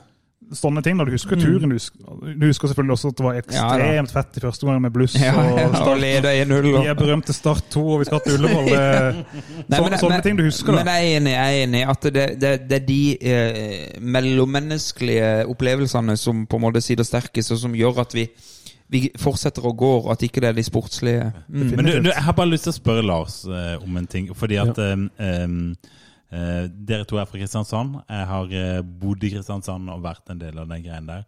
Eh, men hva er det som på en måte, Lars, for deg liksom binder deg sterkest til start? Altså, Du har jo snakka om den, den langsida, det fellesskapet du føler. Er det, er det, er det der, eller er det andre ting òg? Har nå opplevde jeg, Nå fikk jeg faktisk høre av min far forleden at eh, jeg har direkte slektskap til han som skrev eh, 'Se deg for Markens i kveld'. Ja. Sånn at uh, Kristiansandsblodet mitt, det, det bruser jo, og Benestad gård ligger jo i Randesund, på en måte. Sånn at er feil person å ta der, da. Men, Men jeg skulle ikke ta det. Jeg skulle, jeg skulle Nei, ha en interessant men, men, ikke- altså, men det blir på en måte likevel det samme som jeg sa tidligere. Så jeg, jeg tenker at vi jeg har ikke noe nytt å komme med. Men da kan jeg spørre, for dere har aldri spurt deg om jeg har kjent et år. Ja. Du vokste opp i Arendal. Var vennene dine òg i Arendal i oppveksten din? Var det Start? Absolutt. Ja, det vi var hadde det. ikke noe annet. Nei, men, Nei, det, men det, var, det, det, det gikk flere i din vennekrets i tenårene til Kristiansand stadion, Ja, jeg var kø for Dyreparken. ikke sant? Så det, var, det, var, det var kø fra, fra Saltrødkrysset, nesten. Nei, men altså eh, men, men vi har reist på startkamp fra Arendal i lang tid. Og, men, men noe av det mest frustrerende med startsupporter fra Arendal var at kristiansandere på en måte Ikke anerkjente dere? Absolutt ikke. På ingen måte. Det gjør, vi, Det det gjør vi ikke den dag i dag. Niks. Ja, men Det må du slutte med. Ja. Men, men, men øh, eh, altså, det, øh, jeg har i noen ganger opplevd sånn, en sånn følelse av at eh, som eh, startsupporter for Arendal, og så er det sånn jeg, jeg, uh, Så er det masse sånn Kristiansands-piss Ja, kommet, liksom. Eh, For jeg heier på en måte ikke på Kristiansand på samme måte som du gjør, Tom. Nei. Jeg heier jo ikke på Kristiansand. Du heier på Start. Jeg heier på Start. Men, men det er jo like eh, Start en forlengelse av min eh, lidenskap til Kristiansand. Nettopp. Og, men, men Start en forlengelse av min lidenskap til Sørlandet. Men, Og da vil jeg spørre Ma- Mats, eh, når vi har han. Han har bodd i Oslo nå i mange år, det har jeg også. Eh, Be Lars Benestad, du flytta til Trondheim ung, ung. Kjente dere på en større tilknytning til ditt lokale fotballag der du kommer fra, i kraft av at man flytter utenbys? At man, man kjenner automatisk en mer sånn Det har jeg kjent på. Hva, hva tenker du, Hvordan var det med deg når du kom til Trondheim? Ble den forsterka når du flytta vekk fra opphavet ditt? Nei, det har vært like forbanna altså, Det er jo den samme hjernefeilen som uh, Thomas snakker om. Så det, så det er ikke noe forskjell. Nei, ok, nei, men Så du har ikke kjent noe Du har ikke reflektert noe rundt det, eller kjent noe mer på Nei, men sta, eh, altså, Bortsett fra min uh, mor og min far, så er Start uh, det eneste som forbinder meg til Sørlandet. Ok, Da spør jeg deg, da, Mats. Har du kjent noe forsterka bånd mot, eh, mot Start etter at du flytta ut av byen? Eh, ja, det har jeg. Men jeg føler det kommer mer de senere åra enn i begynnelsen. At jeg føler det står liksom Det er viktig for meg nå, den identitetsgreia, enn det det var ja, 2000, Jeg flytta til Oslo i 2008, så liksom Det er først de siste ja, fem-seks åra at jeg føler det kommer ordentlig liksom at Start er liksom at det er Start. da. Mm. Det er en del av byen min. Det er liksom Litt igjen, da. Det er, det er røtter. Det er Start er liksom Mm. en representant for det. Men, men, men eh, da må jeg bare stille et spørsmål, siden du tidligere i poden har nevnt at du har blitt eh, pappa her forleden. Spiller det inn? Eh, det har jeg ikke tenkt på. Jeg tror ikke det. Nei, nei, nei men jeg bare men, jeg har hatt en lang indre, indre monolog med meg sjøl om jeg skal la, la min datter uh, bli fostra opp i lidelse, eller om hun skal få lov til å velge sitt eget lag. Det, det er en diskusjon som uh, Der har jo Det syns jeg er kjempeinteressant. ja, men jeg, jeg, har- jeg, jeg jo sluppet billig unna, for han er ikke interessert i fotball. Vi må også Og på Bleigen Ja, vi må finne en bleig her før vi skal videre og oppsummere, så det er fortsatt litt igjen her, folkens. Men, men du gir altså årets heid til sta- Er det sånn Start-familie, eller de, de andre de andre? De som kommer på nye. stadion La, la oss gjøre det. Og så må jeg også nevne at uh, fikk jo beskjed egentlig om å gi Start en pub årets heid, og det kan man jo også bifalle på et vis. Ja, Men Veldig dårlig navn. Veldig lite interessant navn, da. ja men det er greit. Start en pub er greit. Vi gir uh... Men vi vil ha det hver eneste kamp neste år. Det vil vi. Ja, For det er ikke, det er ikke heid før det kommer hver eneste Nei, nei, nei, da skal jeg gi Det heid. Hvis det er lunka. sier- lunka. Det er, det er lunka CB akkurat nå, og jeg vil ha en Karl en. Altså. Bleig. Ja, vanskelig å si. Eh, har du egentlig Tidlig i uka da jeg fikk eh, spørsmål om å komme, så tenkte jeg egentlig først og fremst på Magni. Eh, Magni Fannberg som ja, hvis han går. Årets Bleik. Hvis han går, Ja. tenkte jeg da. Så det, da, ok, men jeg, jeg vil bare arrestere deg. eh, Og jeg vet at du har hørt mye gjennom poden podden her nå, men uansett hva du har hørt, så ville du ha satt Magni Fannberg som årets bleige av alt som har skjedd i 2022. Ja, altså Det, det, det er et veldig, veldig la, la, la, stort og egentlig riktig, riktig spørsmål å Langt stille. og bleike. Ja da. Eh, tanken var litt eh, 'practice as you preach'. på en måte. Ja ja. Måten han har liksom stått eh, med rette eh, fast på kontraktsituasjoner og stått på eh, Lagt det som en plan for klubben, kontinuitet, lange kontrakter osv. Og, så og så viser det seg at han Nei, det her gidder jeg ikke. Men altså, nå skjønner jeg, jeg skjønner jo også at det, det ligger sannsynligvis en del mer bak som vi ikke vet. I hvert fall ikke jeg. Så la oss nå kanskje heller si liksom det at eh, folk som for liksom enhver pris skal videre, sånn som uh, vår gode venn Peter Reinhardsen og lignende, som vi sikkert er ferdig med. Men det er liksom det er et symptom på mye av det som, som gjør fotballen mindre gøy, da, Ja. egentlig. Altså det er det er ikke nødvendigvis mangel på ambisjoner, men samtidig litt. Altså hvorfor ikke hvor, hvor, stolt, hvor ligger stoltheten da i det å være med å bygge noe bra opp? Ikke sant? Skal man gi seg med en gang? Hvor, hvorfor, liksom? Jeg tenker du på Peter? Hvorfor han Ja, skal generelt i fotball, men Ja. spesielt i Han er jo forbindelse med Pete. Han, er jo, han har jo blitt et eksempel, i eksemplifisering. Ja. Men, men, Altså, det, det, men det, det, enig? det, det er mulig man forventer for mye av fotballspillere, og det gjør vi sikkert som Vi fans det. eh, definitivt. Men, men det er likevel ekstremt irriterende. Og på en måte er som, sånn, som Start-fan så er det jo Man mister liksom spillere hele tida. På akkurat den grunnen, da. Men, men jeg, jeg, jeg kjenner jo deg som en reflektert og, og, og, og klok mann, og da, da klarer du å se begge sider av Peter Reinertsen. Ja, men ikke sant? Ja da, selvfølgelig. Men liksom det å være supporter, det å være irrasjonell da. Mm. Ikke sant? Altså, ja. for å gå Den tilbake til irrasjonelle supporteren. Jo, jo, men for bare å gå tilbake til samfunnsvitenskapen, da, så er liksom det altså Den klisjeen med fotball er jo på en måte den nye religionen. ikke sant? Altså, Det er vår menigmanns mulighet til å få ut frustrasjon på et vis uansett. Så liksom, pipe på laget, null problem. Har ikke noe problem. Det er, liksom, det er, det er vår måte å få ut frustrasjon på. da. Eh, sånn har det vært lenge, og sånn vil det nok forbli. Så hvis du ikke hadde hatt startblod i årene dine, så hadde du skjønt Peter Einarsen mye bedre? Ja, Så hadde jeg ikke brydd meg, liksom. Det, det er Ja, litt, litt, nettopp. litt med Ja, den, da. Mm. Det er ikke, det er ikke Ja, enig. Det er liksom på et ekstremt eh, uprofesjonelt nivå, men det er liksom Mm. vi supportere skal være det. Ja. Men eh, nå vil jeg se videre, og jeg kan, kan ja. jeg få lov til å ta min Jeg har, jeg har ikke Denne gangen så har vi ikke skrevet ned hvor jeg heide Bleike for sesongen. Ja. Skal vi òg ta årets Heiderbleie? Ja, det det, det er, det, Men- det, er nå, det er nå vi skal runde av med våre Heide Bleige, men vi trenger ikke nødvendigvis mye begrunnelse, for at det vi skal ende opp med i løpet av de neste ti minuttene, det er at vi skal kåre årets Heid og Bleig. Eh, Fra start en pod. fra starten en pod med lytterinnspill. Ja da. eh, Med lytterinnspill og, og, eh, og, og våre egne. Og så er det eh, Så avslutter vi med årets startbørs, og så er vi ferdige. Ah, ja. Ja. Okay. Jeg begynner med, med, med Heide og jeg har tenkt mye på Heiden. Jeg har ikke skrevet noe sted. Det kunne vært Lonsia. Det kunne vært alt mulig rart. Min Heide dette året heter Eirik Skjulse. ja. Oi. For Eirik Skjulse har stått i hele den derre eh, baluba som har vært med, med kontrakt og ikke kontrakt. Han har aldri sagt et jævla kløyva vondt ord om Start. Nei, han har ikke det. Du har Han har ikke det. Han har sagt at det har vært vanskelig. Mm. Det er lov å si. Han har en bedriten agent. Det må det være lov å ha. Mm. Men Eirik Skjulse har stått i den greia der. Han har tatt imot badeballer med et smil. Han har hamra inn mål. Og Eirik Skjulse, han har skrevet under ny kontrakt med Start. Eirik Skjulse er Start. Eirik Skjulse er, er faen meg Start. Ja. Eirik Skjulse er min heid. Det står så mye respekt av det også. Årets seier. Ja. Det er fin den, Gimse. Fin den. Jeg kan eh, egentlig underskrive den. Skal du ta en, Bennis? Ja, Til Heid. på Heide. Ja, Mm. altså øh, Jeg er jo også på en spiller. Å oh, Ja. Gøy. Ja, altså, for, for, for meg så er øh, årets Heid øh, Jasper.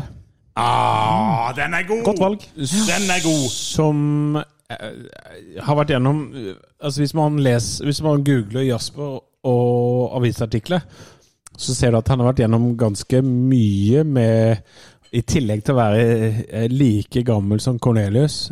øh, Så har han vært gjennom noe sånn hjertestyr og, og, og Litt sånn prestasjonsnerver. ja, og masse sånt noe. Og tabbe fra Bryne og alt det greiene der. Og stått fram i mål. Nå fikk jeg nesten frysninger da jeg sa det. Og stått fram i mål og blitt den derre Den helten for veldig, veldig va- mange. Jeg tror, jeg tror også mange av de unge eh, på Lonsia identifiserer seg litt med, med Jasper. på en måte. Så for meg så er Jasper det, det kuleste som har skjedd i år. Mm. Jeg syns det var fint, det. Nå, Eh, ja, det, nå var det mye Nå, nå kjenner jeg bli stolt av klubben min, når det ble så mye fint. Ja. Men, men uh, ja. Uh, dere har to spillere. Uh, jeg tar en litt annen variant, og jeg beklager Lars Benestad, denne tar litt lengre tid. Eh, årets heid for, for meg, det er de 40 stykkene som lytter på oss. De 40, ja. Det er de 40. Og måten jeg skal markere det på, det er å faktisk svare på noe. Vi, som vanlig så får vi et par spørsmål. Uansett hva vi sier at vi skal ha av type sending, så får vi spørsmål. Så jeg kan eh, begynne med et eh, spørsmål fra en lytter. Han heter Thomas Salvesen. Topp tre realistiske drømmesigneringer før neste sesong. Henrik Udal. Det er Henrik Udal. Ja, det er og så vil jeg gjerne ha han der midtbanespilleren på Arsenal, er Martin Ødegaard. Jeg vil, jeg vil ha han i Brann, Ma, Mathias Rasmussen. Mathias Rasmussen. Så det er altså Mathias Rasmussen, Martin Ødegaard og Henrik Urdal. Mm. jeg kan ta et annet spørsmål.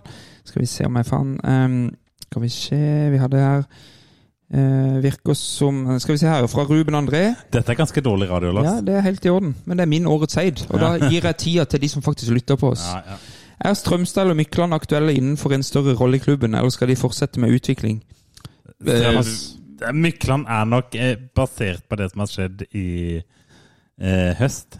Helt riktig. Ikke, ikke aktuelle for noen større rolle. Nei, riktig. Men eh, det jeg egentlig prøver å indikere med dette, da, nå skal ikke jeg Ja. gå gjennom alle spørsmålene, det er at jeg er utrolig takknemlig for alle de innspillene vi har fått, Ja. alle spørsmålene vi har fått, alt vi har fått mulighet til å diskutere her. Hjertelig, hjertelig takk. Og alle som sender oss de spørsmålene, og som sender oss de innspillene. alle de som ringer oss i dag! Altså, ja, og, og alle folka som i, Bidrar. Uansett, uansett om, om, om spørsmålet kommer på lufta eller ikke. Det kommer masse innspill. Det er årets heid for meg. Det er de som bidrar til denne podkasten her. Eh, kan Eh, ikke vi få din bleig heller, Gimse? Ja, altså Det er, eh, det er dessverre sånn at det er veldig mye som kunne vært med bleig. Det at Start ikke rykker opp, er bleikt, og alt mulig er bleikt. Men um, siden jeg nå en gang jobber i den profesjonen jeg jobber, uh, som en tabloidjournalist i Norges mest utskjelte tabloidavis, så syns jeg Start er elendige på å kommunisere med folk der ute. Selv når Start er gode.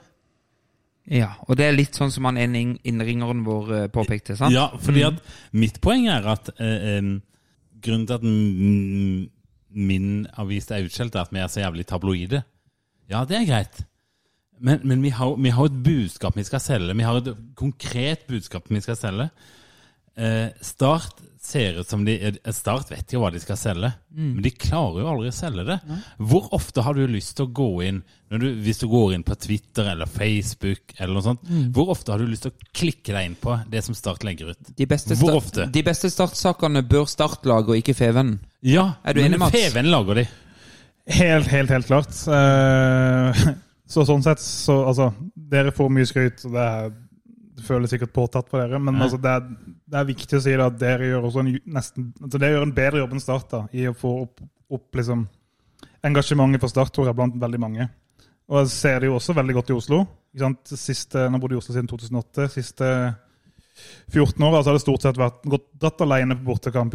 Møtt, dratt med Tom innimellom. Eh, par andre også tidligere. Du har truffet meg òg, da. Jo da, jo da, jo da, jo da men, men dratt, dratt sammen med. Ja, ja, ja. Ikke sant? Som oftest det vært tog alene. Jeg har stått bak deg helt anonym. Ja, ja, det er helt fair, det. Men, liksom, men, men nå møter man folk på toget man kjenner igjen. da. Og det er et engasjement også i Oslo, som jeg antar er mye større i Kristiansand. Ja. Som også vitner da om liksom det er, noe, det er noen ting som skjer her, da. Altså Flere drar i samme retning, som, og samme retning er startkamp. da. Ja, altså, Basically. Så, så jeg, mener at, jeg mener at det er et utrappa potensial for Start. Det, det er det jeg mener. Fordi at det, Helt klart. det er så um, lett å spille på følelser i fotball. Men Start gjør det faen meg aldri. Så Så de- de- årets bleig er kommunikasjonsevnen til Start. Ja. Ja, nettopp. ja. Ja, det, det har vi forstått det riktig? Ja, helt riktig. helt Ja. Innspill? Innspill? Ja. Kjør, Mats. Ta og Lag en egen episode med liksom, ideer til markedsføring. Hæ? Yes. Jeg har jo sjøl blitt kalt en såkalt markedsekspert av eh, Terje Markussen, så jeg kan jo Nå, nå får vi kjeft igjen. Nå, nå, nå kommer det en ny Twitter-melding. Ja. Ikke fra Trondheim, men Min- fra Kristiansand. Men Benestad sin bleik. Min bleik, den er eh, litt meg, lik andres bleik. Både Faber sin og Mats sin er bare motsatt. Oi. Fordi at eh, de meldte at eh, Magni Fannberg er årets blag hvis han drar. Min årets blag hvis Magni Fannberg drar, det er styret i Start. Ja. Jeg har ikke noe problem med det. Eh, For hvis Magni Fannberg drar på det påskuddet som han har levert, uten at jeg kan eh, verifisere verken, verken eller i sannheten i dette, så er for min del eh, det styret i Start som ikke har klart å leve opp til hans eh, forventninger til jobben. Og kanskje det han ble solgt inn når han fikk jobben? Ja. Kan jeg modifisere min bleik bitte litt? Det er sånn generelt alle som drar fra start. Hva faen, hva faen vil de? Hva vil de? Ja, det er nydelig bleig! Alle som stikker. Skal, skal du flytte fra Kristiansand? Hvem vil det? Tom? Nei, men Det er helt nydelig. Nei, jeg har også bleik. Altså, jeg har lyst til å si at årets bleik er ansiktet til Lars Benestad på vei hjem fra Raufoss. Ja, For dette, det, jeg det er det bare dere som har sett. Det er det bare det dere er som har altså sett. det bleikeste ansiktet jeg har sett i hele du, mitt liv. du Lars Benestad, jeg har filma det. Ja, det skal ikke ut på eteren, for å si det sånn. Men altså, vi har jo hatt masse bleige. Vi har jo en resignert startkaptein mot Stabæk, f.eks., som jeg syns var sykt bleig. Eh, kollapsen i Ranheimsfjæra. Peatgate var bleig. Eh, en sånn der eh, bli vakker kunstsilo-hymne mot Brann. Jesper Mathisen, som er jo et profesjonelt nettroll. Altså, det er så mye bleikt her.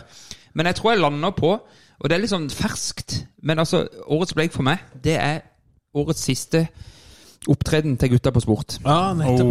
Kongsvinger. Må Altså, du dra ja, til?! Nei, men altså, nå er vi der. Årets, ah, årets bleik for meg er den Altså, ikke nødvendigvis Jo da, kanskje gjennomføring av den kampen, men altså 0-1 mot ti mann Kongsvinger er årets viktigste kamp. Det er årets bleik for meg, altså. Det er så Det er gått snart to uker nå, men det, det kommer til å sitte i helt til en eller annen gang i mars når vi møter Tromsø i cupen. Jeg hadde fortrengt det, men nå ble jeg sint, Tom. For det er mye bleig, som jeg prøvde å indikere her, men det, jeg lander på den. Kongsvinger hjemme. Og det som er gøy nå, det er at etter denne jinglen her, så skal vi altså kåre årets heid og årets bleig.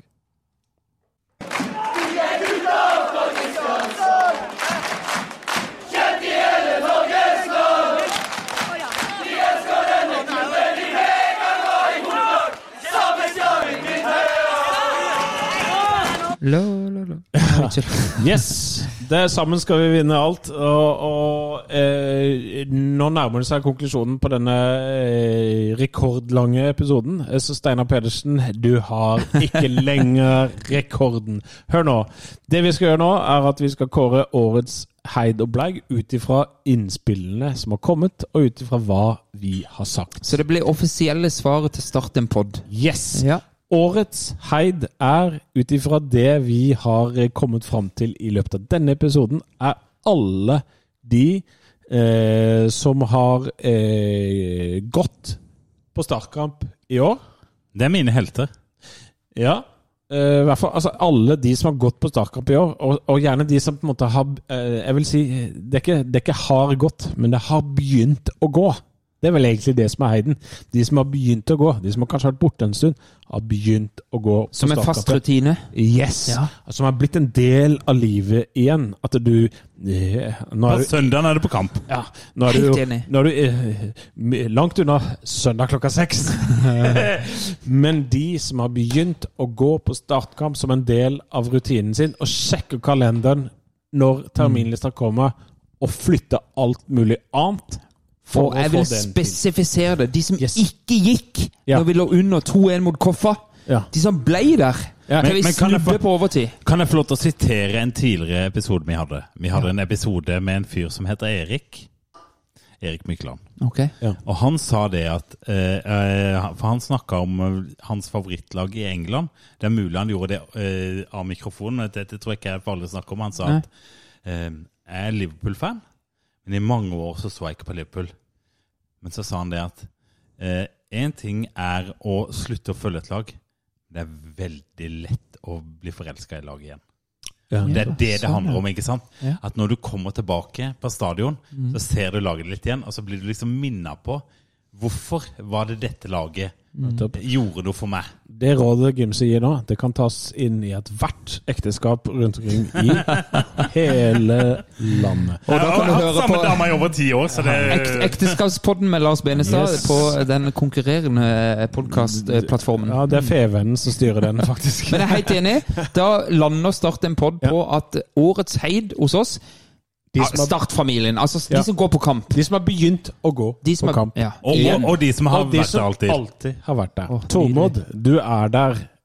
Cornelius Erik og yes. Cornelius. Erik. Og Lars og Tom. Og Mads Og Mats. Thorsen. Altså, Alle sammen. for en deilig gjeng vi er. Det var, det var forutsigbart og deilig, Heid. Men det er den mest korrekte heiden vi har hatt i hele år. Ja. Men du, den mest korrekte heiden noen noen gang har delt ut. Mm. Så er han kanskje forutsigbar. Og Lundsia må jo nevnes. Altså, det er jo alle denne gjeng Altså, disse folka. For dette, dette, er jo en paraply, dette er jo selveste paraplyen. Selveste paraplyen, på en måte. Lonsia ja, Altså, dere har vært heide gjennom hele, hele år. Men det er som Mats har lært oss, stadion er mer enn bare de som synger. Det er også de andre. For de hadde ikke stått og synge, sunget, hvis resten av stadion var tom. Så det er Ja, De hadde nok det òg, men jeg skjønner hvor du Ja, vil. ja, ja. Jeg skjønner hvor du vil. Men Det er, ikke, det er ikke noen kontraster, da. Det er liksom, Nei, nei, det er jo ikke det. det. er bare noen folk som er der og synger. Ikke sant? Man trenger andre til å oppleve det. Ja. Og så er det årets bleig. Og eh, den var litt sånn vanskeligere, for det var, det var opptil flere forskjellige mm, Og gode. og gode bleige innspill. Men, men det, som, det som kanskje endte opp med flertallet i episoden, eh, det var eh, de som drar fra klubben, da. Så mm. Fannberg er bleig hvis han drar. Styret er bleige hvis Fannberg må dra. Reinhardsen er bleig hvis han dro, osv. Det gjorde han jo. Ja, han gjør det i hvert fall. Sånn at det- er eh, de som drar, da. eh, uten å ha gjort ferdig jobben. For at du kan ikke ta Braut Brunes. Men er det det som er årets bleig? Er det ikke kommunikasjonsevnen til Start som er årets bleig? Ja, det var det vi ble enige om. Ja. Ja. Det mener jeg at vi eh, har landa på, altså. Nå hadde vi den semibleike. Mm, Men det er helt i orden, det, Lars Benestad. For dette, vi kan godt ha to bleike. Det er masse bleikt her. Det er masse bleikt her. Men jeg, jeg mener at vi i podden her bør lande på at kommunikasjonsevnen til Start, det er årets bleik. Ja. Jeg, bare, jeg, jeg, jeg bare setter ned en sånn en Jeg slår inn det, en det er veto. det, men jeg er helt enig. Det var bare Lars som, som ville ta runners up. Eh, Riktig. Du, Ja, jeg ville ta runners up. Ja, greit. Ja, men, Men er du enig i det? Ja, altså, jeg er enig, men samtidig, de bleige, det er de som drar. Som, eh, som drar uten u- u- uforretta sak. Men kanskje aller bleigest er at Start ikke klarer å presentere det godt nok i sin medie- og Og kommunikasjonsavdeling. Der syns jeg Lars Martin Gimse sa det godt. De klarer verken å presentere en opptur godt nok, tydelig nok, eller en nedtur. Altså, skjønner du? Det er Ja. begge aspekter av, Ja, at, av det som skjer i klubben. Det er jo, det er jo, det er jo altså, eh, En fotballklubb eh, lever jo av følelser. Og, eh, og jeg, jeg jobber i Og du må gjenspeile det ut til folket. Da, Ja, sant? og- Og det er jo helt og det er jo, elendig det, det, på. og, det, det, er ikke, det er ikke kjempevanskelig. Det er, ikke kjempe, det, det, er, det, det er både vanskelig og lett samtidig. Ja, det er greit. Men, men du må jo eh, Du må jo ikke gjemme følelsene i 4000 km med tekst. Og vi vil ikke enkeltpersoner til livs her. sant? Nei, det er, fordi Ja. Markus har gjort masse bra på Twitter. Egil eh, det har vært masse gode saker Ja, for all del. Og, og den der på innsiden osv. så videre. Så det er mange enkeltting. Men det er litt sånn som Kjetil presenterte. Det mangler Det mangler helheten og en plan. Det tenker jeg Men hva tenker du, Mats, om dette? Nei, jeg er helt enig. Men, men, det, men det er veldig mange Start-supportere som har en veldig god kreativ kompetanse. Som også kanskje kan bli kontakta og hørt om ideer. Altså, Yes. nå, nå blir man mindre kreativ på eldre dager, har jeg hørt. Så min kreativitet er liksom på vei til å gå ut. Men altså, jeg er helt overbevist om at uh, både jeg og mange andre også kunne vært med på å skape liksom, mer blest. Kom, til, kom med ideer, liksom.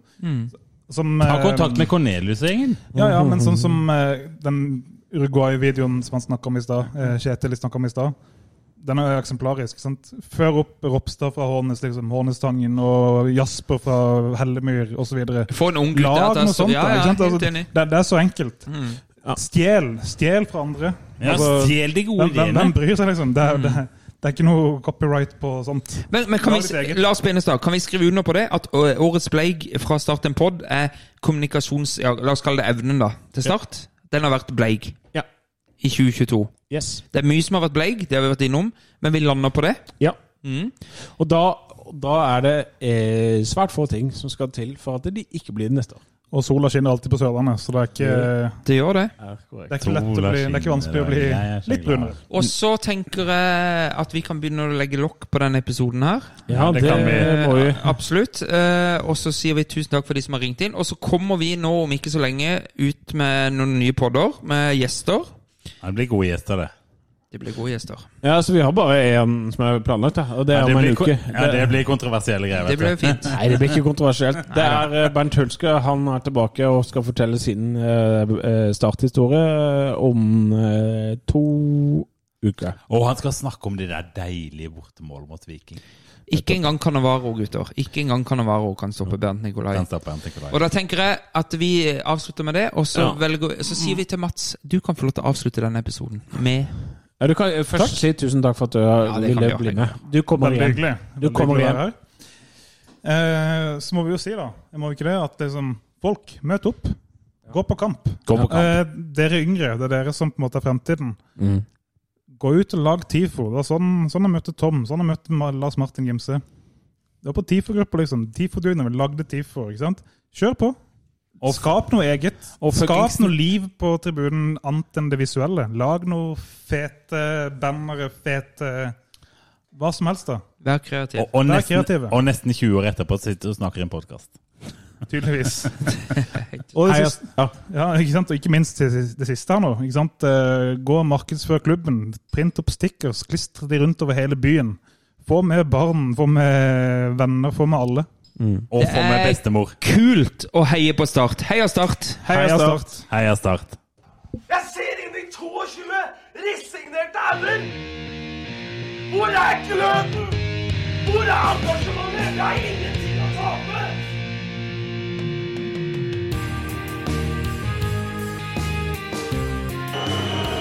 Ja, forlenges tid på Martin Ramsland. Skal du sette etter? Og så gjør han det! Martin Ramsland! Har du sett? Han kommer til å bli større